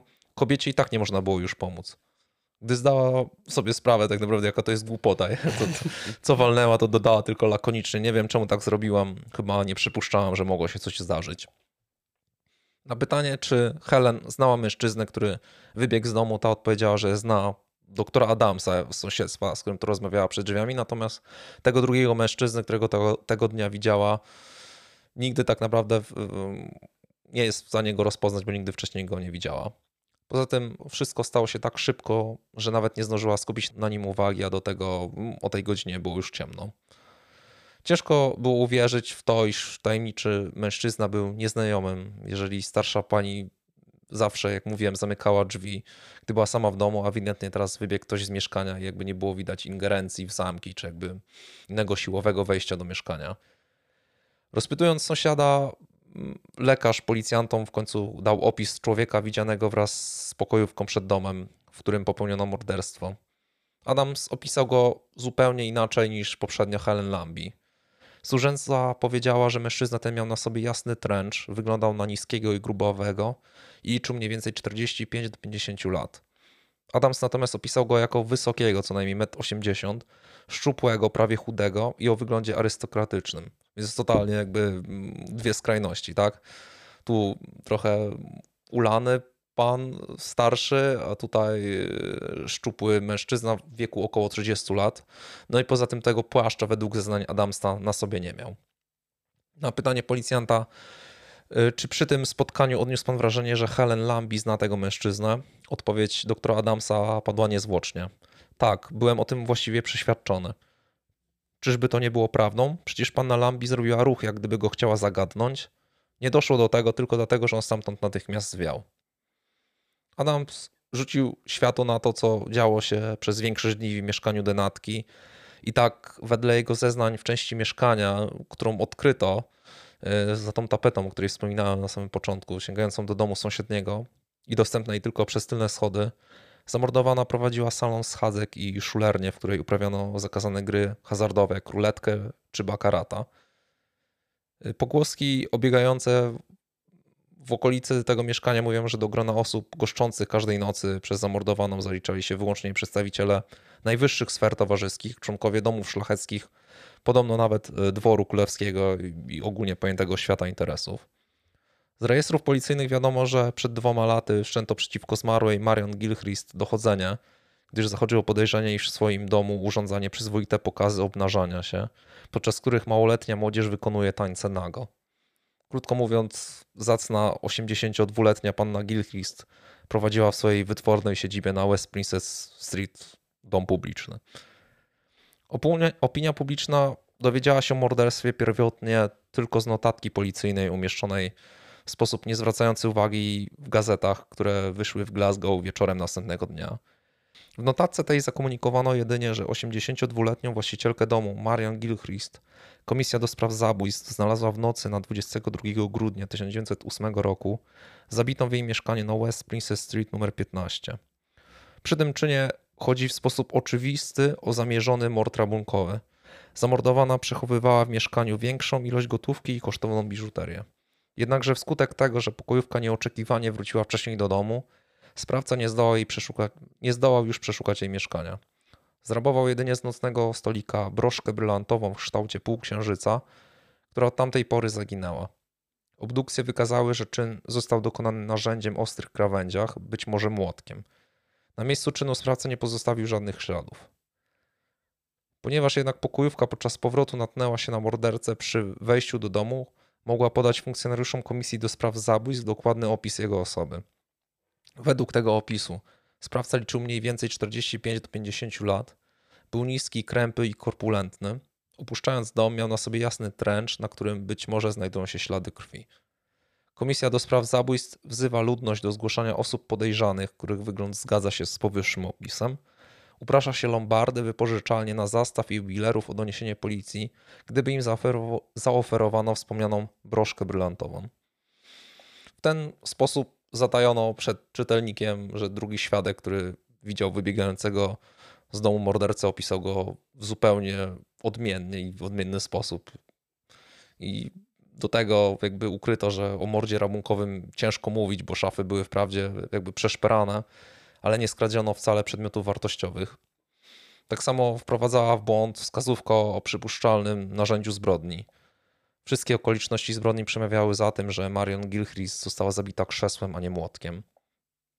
Z perspektywy czasu można mieć jakieś takie gryzące po ciele, jak stary sweter, takie przypuszczenie, że to, że te osobliwe doniesienia policji mogły mieć na celu właściwie tylko to, by morderca, a przynajmniej ten właściwy morderca, mimo wszelkich starań, nie został nigdy ujęty.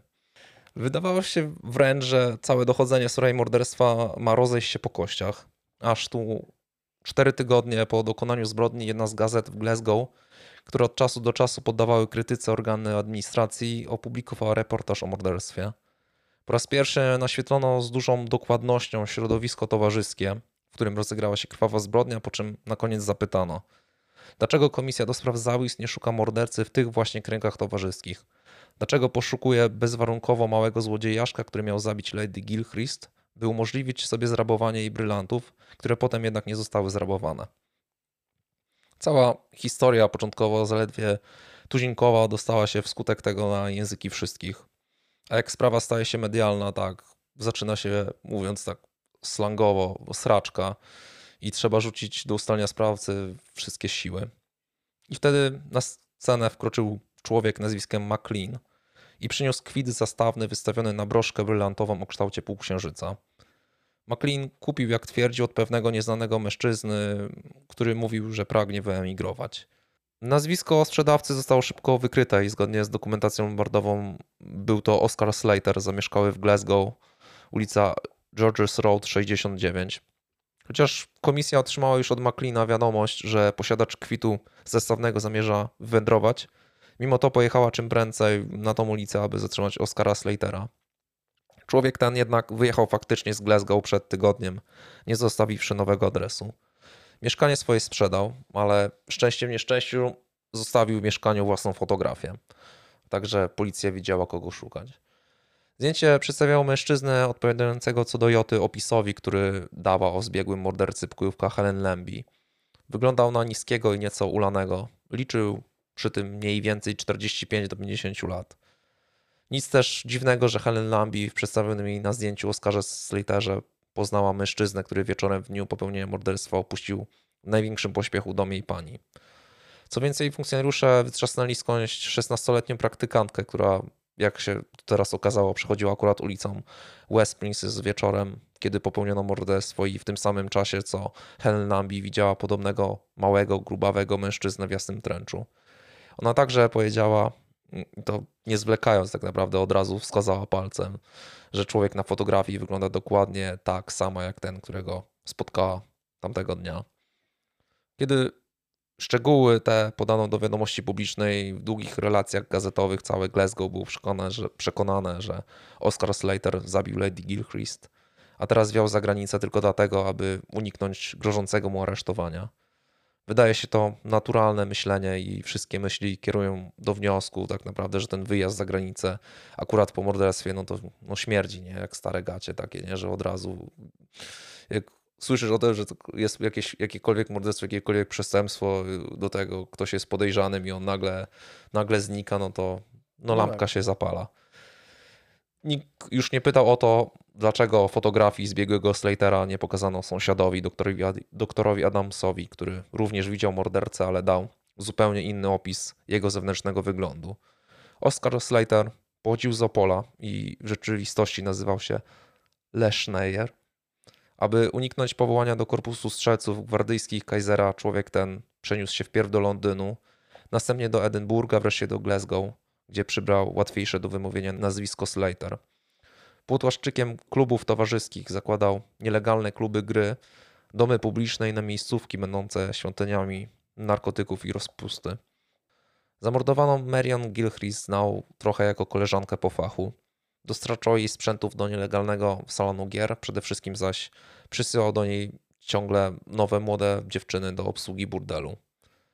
Już dwa lata przed dokonaniem morderstwa policja w Glasgow otrzymała informację na temat tego, co naprawdę dzieje się w wytwornym domu Lady Gilchrist. Przy tej sposobności stwierdzono także, że Oscar Slater był zamieszany w nielegalne interesy tej starszej pani. W listopadzie 1908 roku, a więc prawie miesiąc przed zamordowaniem Marion Gilchrist, policja zlikwidowała klub gry należący do Slatera. Nie przedłożono mu wtedy zezwolenia na pobyt i dano jasno do zrozumienia, że ze swoimi biznesami spod ciemnej gwiazdy nie jest mile widziany w Szkocji. Zezwolenie na pobyt upłynęło 31 grudnia 1908 roku. Wyjazd Slatera wbrew pozorom nie wyglądał na ucieczkę przed grożącym aresztowaniem, a wszystko wskazuje na to, że policja wykorzystała wywędrowanie Slatera, by skierować na niego podejrzenia o morderstwo.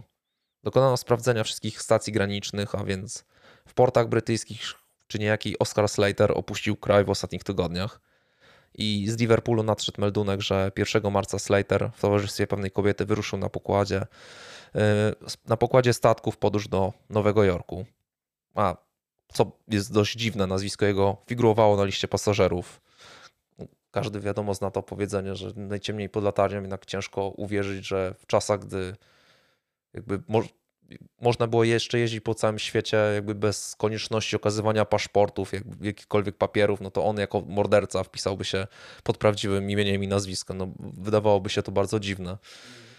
Slater po wysłaniu telegramu szybko został w Nowym Jorku zatrzymany, a tam jako konieczność jego wydania wystosowano notę, aby pod przysięgą przed amerykańskim sądem świadkowie zeznali, że to właśnie jego widziały wychodzącego z mieszkania denatki. One zidentyfikowały więc Oscara Slatera. Ten protestował zdecydowanie przeciwko temu twierdzeniu, ale był bezsilny wobec mocy zeznań obu zaprzysiężonych świadków. Została zarządzona ekstradycja Slatera, a już na zajutrz zaczęto jego transport powrotny tym samym statkiem, który go dopiero co niecałe trzy tygodnie wcześniej przywiózł do Ameryki. Zaszła przy tym znów jedna z osobliwości, które się wydarzyły w tej niezwykłej sprawie, ale nigdy nie zostały całkowicie wyjaśnione. Przy przybyciu Slatera do Nowego Jorku policjanci, którzy go sprowadzili ze statku, zatrzymali walizki podróżne i opieczętowali je w jego obecności pieczęcią amerykańskiej policji portowej. Przy odjeździe walizy zostały wręczone w stanie nienaruszonym detektywom komisji w Glasgow. Jak obaj później zapewniali uroczyście pod przysięgą, walizy te również bez naruszenia oddali w głównej kwaterze policji w Glasgow. Jednak kiedy walizy zostały otworzone w Glasgow w obecności Slatera, miały one pieczęcie policji nie nowojorskiej, lecz szkockiej. Tak, jak do tego doszło, nie wiem. Można się jedynie domyślać. Mm, co jest natomiast pewne, to to, że policjanci wydobili z jednej walizy dwa dowody rzeczowe, brakujące jeszcze w łańcuchu poszlak. Czyli jasny trench, wykazujący kilka bryzgów krwi oraz młotek, na którym podczas późniejszego badania odkryto również drobniuteńkie krwawe ślady. Oświadczenie Slidera wypowiedziane z wielkim temperamentem, że nigdy nie miał takiego tręcza, już wcale nie zabierał ze sobą do Ameryki krwawego młotka, nie znalazły tak naprawdę żadnego odbiorcy. Zaprzeczał wszystkiemu, co mu zarzucano, a więc nie wierzono mu tak naprawdę zupełnie w nic. Jego sporym problemem było też to, że bez ustanku zaprzeczał, by w ogóle znał zamordowaną Marion Gilchrist. A miał do tego dość ważny powód. W bagażu Slatera znajdowała się gotówka i biżuteria o wartości niemal 50 tysięcy funtów sterlingów. Majątek ten pochodził bez wątpienia z jego prowadzonych nielegalnie biznesów i zostałby skonfiskowany, gdyby przyznał się do związków z Lady Gilchrist. Także troska o owe 50 tysięcy uwikłała go całkowicie w oskarżenie o morderstwo. Policja poza tym dysponowała kilkunastoma świadkami, którzy mogli stwierdzić, iż Slater utrzymywał wieloletnie stosunki handlowe z zabitą Lady Gilchrist. I to był też powód, dla którego jakby to, że on zaprzeczał we wszystko, to, to później organy ścigania mogły skazać, no ale w tej kwestii kłamie, no to pewnie w każdej kwestii kłamie tak naprawdę. Jeżeli on wykazano mu, że, że to jest kwestia, w której, w której oszukuje, no to, to każda inna też jest, też jest kłamstwem. Szereg przedstawionych poszlak stał się gwoździem do trumny. W dniu 3 maja 1909 roku przed południem o godzinie 9 rozpoczął się w Edynburgu proces przeciwko Oscarowi Slaterowi o morderstwo. Przed transportem oskarżonego do sądu w płycie więziennego stołu Slater wydrapał paznokciem zdanie. Nie wiem dlaczego tutaj jestem, ale wiem jedno, że opuszczę wkrótce te cele jako człowiek wolny. Przesłuchano oczywiście świadków, którzy świadczyli o niezbyt poprawnym stylu życia i pracy Slatera oraz jego szemranych biznesach.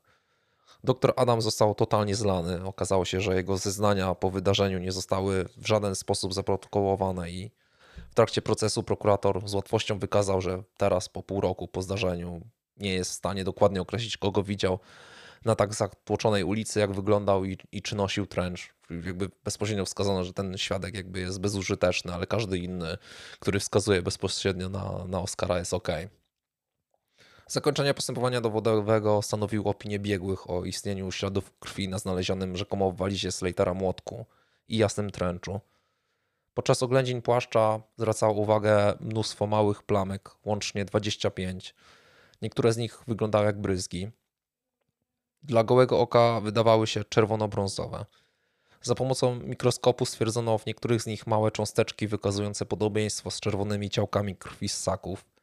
Jednakże wobec szczupłej ilości materiału do dyspozycji brak było możliwości uzyskania bezmłodnego dowodu, że plamy na płaszczu pochodzą od krwi zamordowanej. Ba, nawet nie było pewne, że to w ogóle są plamy pochodzące z krwi ludzkiej. Naukowa precyzja opinii biegłego nie wykluczała jednak w pełni, że plamy na płaszczu mogą pochodzić od krwi zamordowanej. Jak ekspertyza płaszcza, takie badanie młotka nie dało również rezultatu. By pokazać pewien absurd sytuacji, warto wskazać dialog przeprowadzony między obrońcą a biegłym badającym dostarczony młotek. I tutaj cytując: Panie profesorze, jest pan pewien, że czyn został dokonany tym młotkiem? Jak to? Czy zachodzą co do tego wątpliwości? Policja powiedziała mi, że przestępstwa dokonano tym młotkiem. Panie profesorze, czy przeczytał pan wyniki oględzin zwłok? Po co? Zadaniem moim było ustalić, czy na młotku jest krew zamordowanej. Dowodziłoby to, że kobietę zabito tym młotkiem. Mógł pan oszczędzić sobie całej roboty, panie profesorze, gdyby pan uprzednio przestudiował wyniki obdukcji zwłok. Jest tam bowiem mowa o ranach i miejscach złamania, które musiały pochodzić od jakiegoś narzędzia kanciastego o długiej powierzchni. Niektóre z tych ran były do 14 cm długie, a młotek jest narzędziem o krótkiej powierzchni i w żadnym razie nie może spowodować takich ran. Boże święty, ależ ja też wcale nie powiedziałem, że do przestępstwa użyto młotka. To jeszcze absolutnie nie jest dowiedzione. Wasza dostojność, proszę mnie uwolnić od pytań tego człowieka, albo nie powiem ani słowa więcej. Policja dała mi młotek, a ja go zbadałem. Nic więcej nie należało do moich zadań. Na sali rozpraw przed wydaniem wyroku pojawiły się świeżo wydrukowane południowe wydania dzienników, które w nagłówkach donosiły wielkimi czcionkami, że półksiężycową broszkę brylantową Lady Gilchrist zastawić miał w Lombardzie nie Slater, a zaufany człowiek policji z Glasgow. Jakkolwiek wiadomość ta podziała szokująco na przysłuchujących się procesowi, wyniku procesu to zupełnie nie zmieniło. Przysięgłem, jak wiemy do dzisiaj, nie wolno przeczytać doniesień pracy, ponieważ ordynacja procesowa zakazywała im tego surowo, by przy ferowaniu wyroku pozwalali wpływać na siebie polemiką i twierdzeniom pochodzącym z zewnątrz. Postępowanie dowodowe zostało zamknięte. Z jedynie przysięgłym wolno było jeszcze składać oświadczenia. Po 70-minutowej naradzie rzecznik ich ogłosił uchwaloną jednogłośnie następującą formułę wyroku. Jury, zgodnie z wnioskiem rzecznika korony, uznał Oscara Slatera winnym umyślnego zabicia 82-letniej Marion Gilchrist i w ten sposób oskarżony został skazany na śmierć przez powieszenie. Wcześniej słynni prawnicy, nawet nobilitowany autor powieści kryminalnych, ojciec legendarnego detektywa powieściowego Sherlocka Holmesa, Sir Arthur Conan Doyle, stawił się za Slaterem, jednakże wszelkie usiłowania doprowadzić do rewizji wyroku pozostały daremne. Według ówczesnego ustawodawstwa szkockiego skazanemu nie przysługiwał przeciwko wyrokowi sądu przysięgłych żaden odwoławczy środek prawny. Orzeczenie przysięgłych było niepodważalne.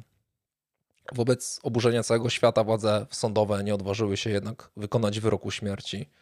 Sekretarz stanu dla Szkocji zalecił królowi zamianę kary na dożywotnie więzienie. To też 26 maja 1990 roku, 14 godzin przed terminem wykonania wyroku, Oscar Slater został jakby ułaskawiony, ale tylko w ten sposób, że karę zamieniono na dożywotni pobyt w ciężkim więzieniu. Po śmierci adwokata osadzonego doszło do jego zmiany i nowy obrońca, który pamiętał ze sprawozdań prasowych, że w dniach przed wyznaczonym terminem egzekucji Slatera wstawił się za skazancem autor powieści kryminalnych Sir Arthur Conan Doyle. Opierając się na tym fakcie, zwrócił się do niego i napisał, co budzi jego wątpliwości.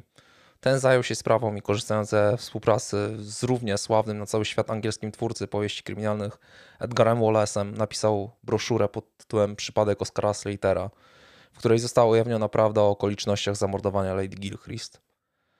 Druk broszurki sfinansował sam autor. Domagał się on od rządu, żeby Oscar Slater, wciąż jeszcze siedzący w ciężkim więzieniu, został wreszcie zrehabilitowany w drodze wznowienia postępowania. Pierwszą kwestią była broszka, od której zaczęła się cała lawina poszlaku ukierunkowana na to, by sprawcę znaleźć w Slaterze. Okazało się, że broszka, która została pozostawiona w Lombardzie na nazwisko osadzonego, nie została rozpoznana przez pokojówkę.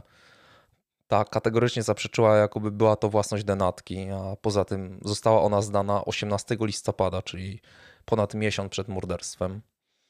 W ten sposób tak naprawdę zawaliła się podstawa całej sprawy i jakby układanego rozwoju wypadków. I tu cytując pisarza, problem z wszelkimi dochodzeniami policyjnymi polega na tym, że gdy śledczy raz znajdą człowieka, o którym sądzą, że pasuje do ich przypuszczeń, są niezbyt otwarci na jakąkolwiek linię dochodzenia, mogącą prowadzić do odmiennych konkluzji. Co by nie mówić, ówcześnie Slater, czyli hazardzista, obcokrajowiec, Żyd i prawdopodobnie do tego stręczyciel, idealnie wpisywał się w ramy idealnego podejrzanego. A że był to okres zmożonego antysemityzmu i paranoi antyimigracyjnych, to wszystko pasowało jak ulał.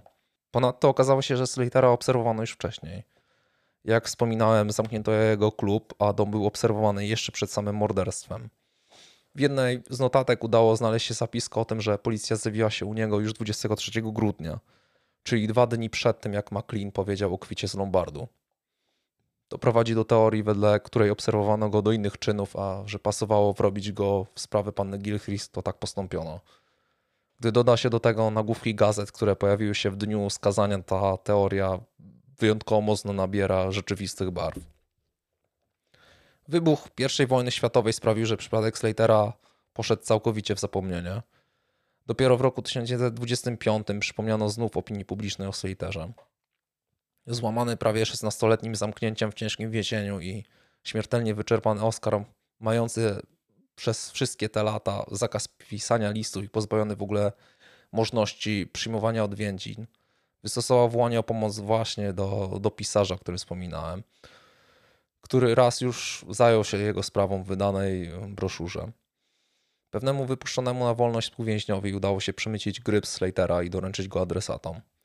U współwięźnia 2988 Williama Gordona w roku 1925 po zwolnieniu w trakcie czynności związanych z opuszczeniem więzienia żadnemu ze strażników nie przyszło do głowy, aby sprawdzić zawartość jego sztucznej szczęki, a tam znajdował się ukryty w sreberku liścik od Oscara.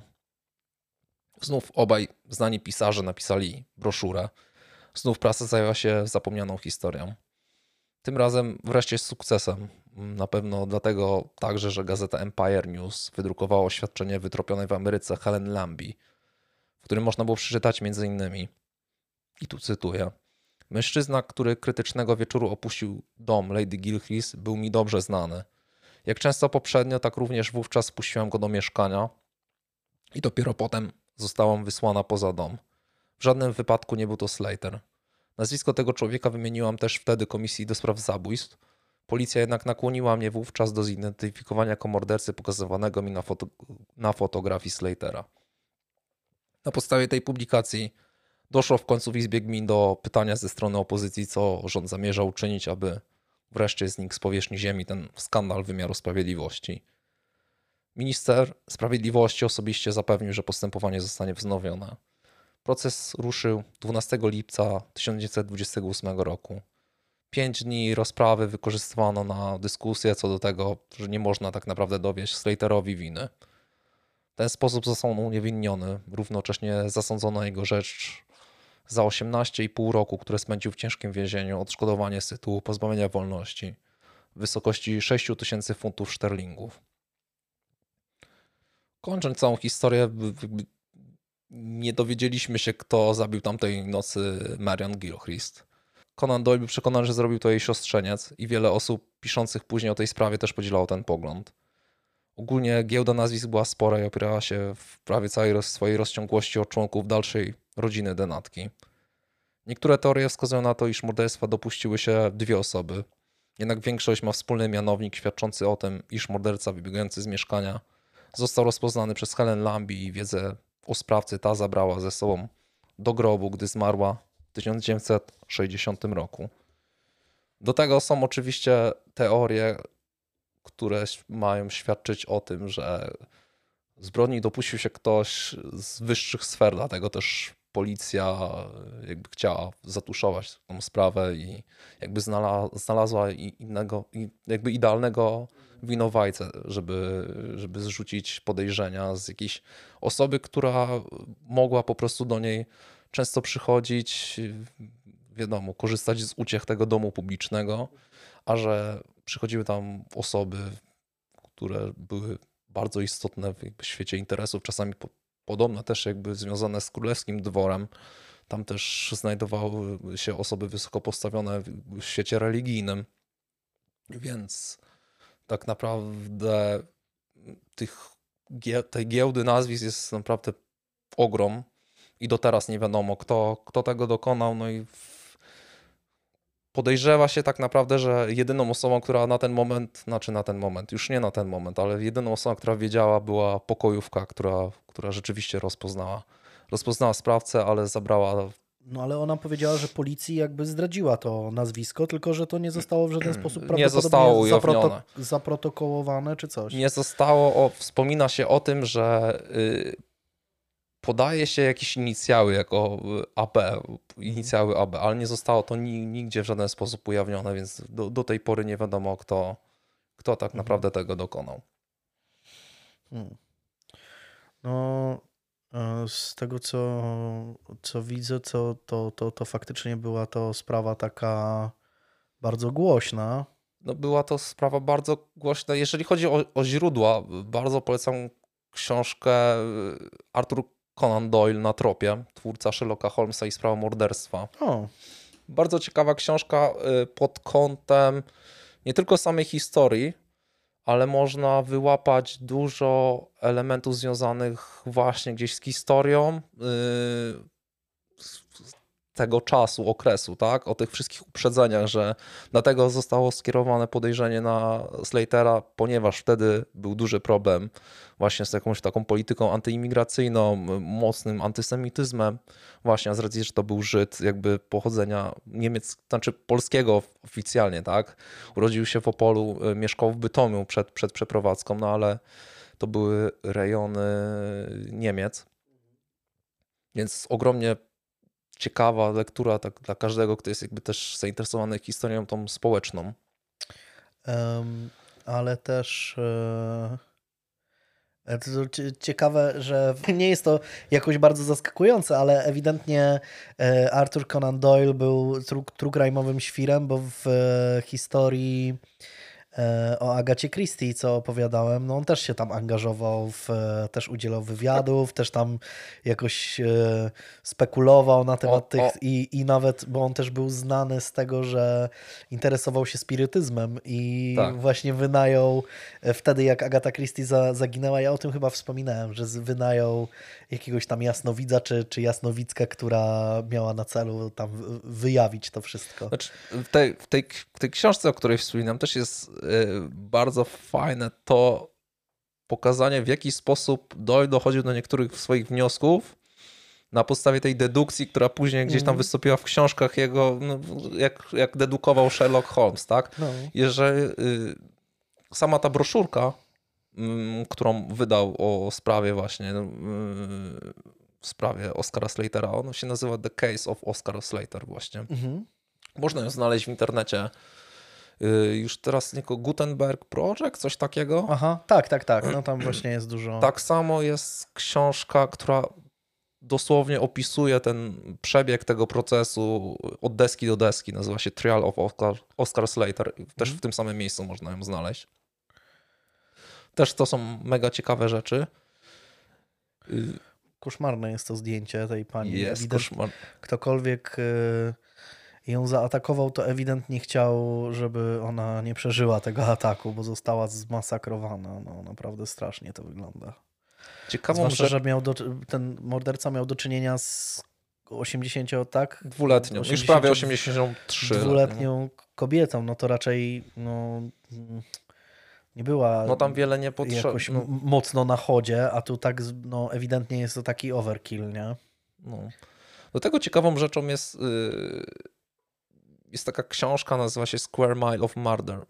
Yy, ona op- opiera się o opis, na, opisie czterech zbrodni właśnie z Glasgow, które były tak naprawdę, które miały miejsce na jednym, jednej mili kwadratowej tak naprawdę, że wszystkie jedne, cztery jedne z bardziej popularnych spraw w ogóle w Glasgow w ogóle w Szkocji miały miejsce tak naprawdę w bardzo bliskiej okolicy od siebie i jest, jest też mapka, dołączę też tam mapkę, w której, w której jest zaznaczone jak to wszystko blisko siebie występowało. Nie będę mówił o jakich tych trzech kolejnych sprawach y, mowa tam, bo one też są mega ciekawe, może kiedyś ja je wykorzystam któregoś razu, ale bardzo ciekawy to jest taki, y, to No jest taka proszę. pikanteria Tak jak w Antwerpii jest dzielnica diamentowa, tak w Tak. Glasgow jest dzielnica morderstw, tak? Tak, dokładnie, dokładnie. No to, to widzisz, jest jakiś ten, jest jakiś, e, jest jakiś punkt, punkt wspólny.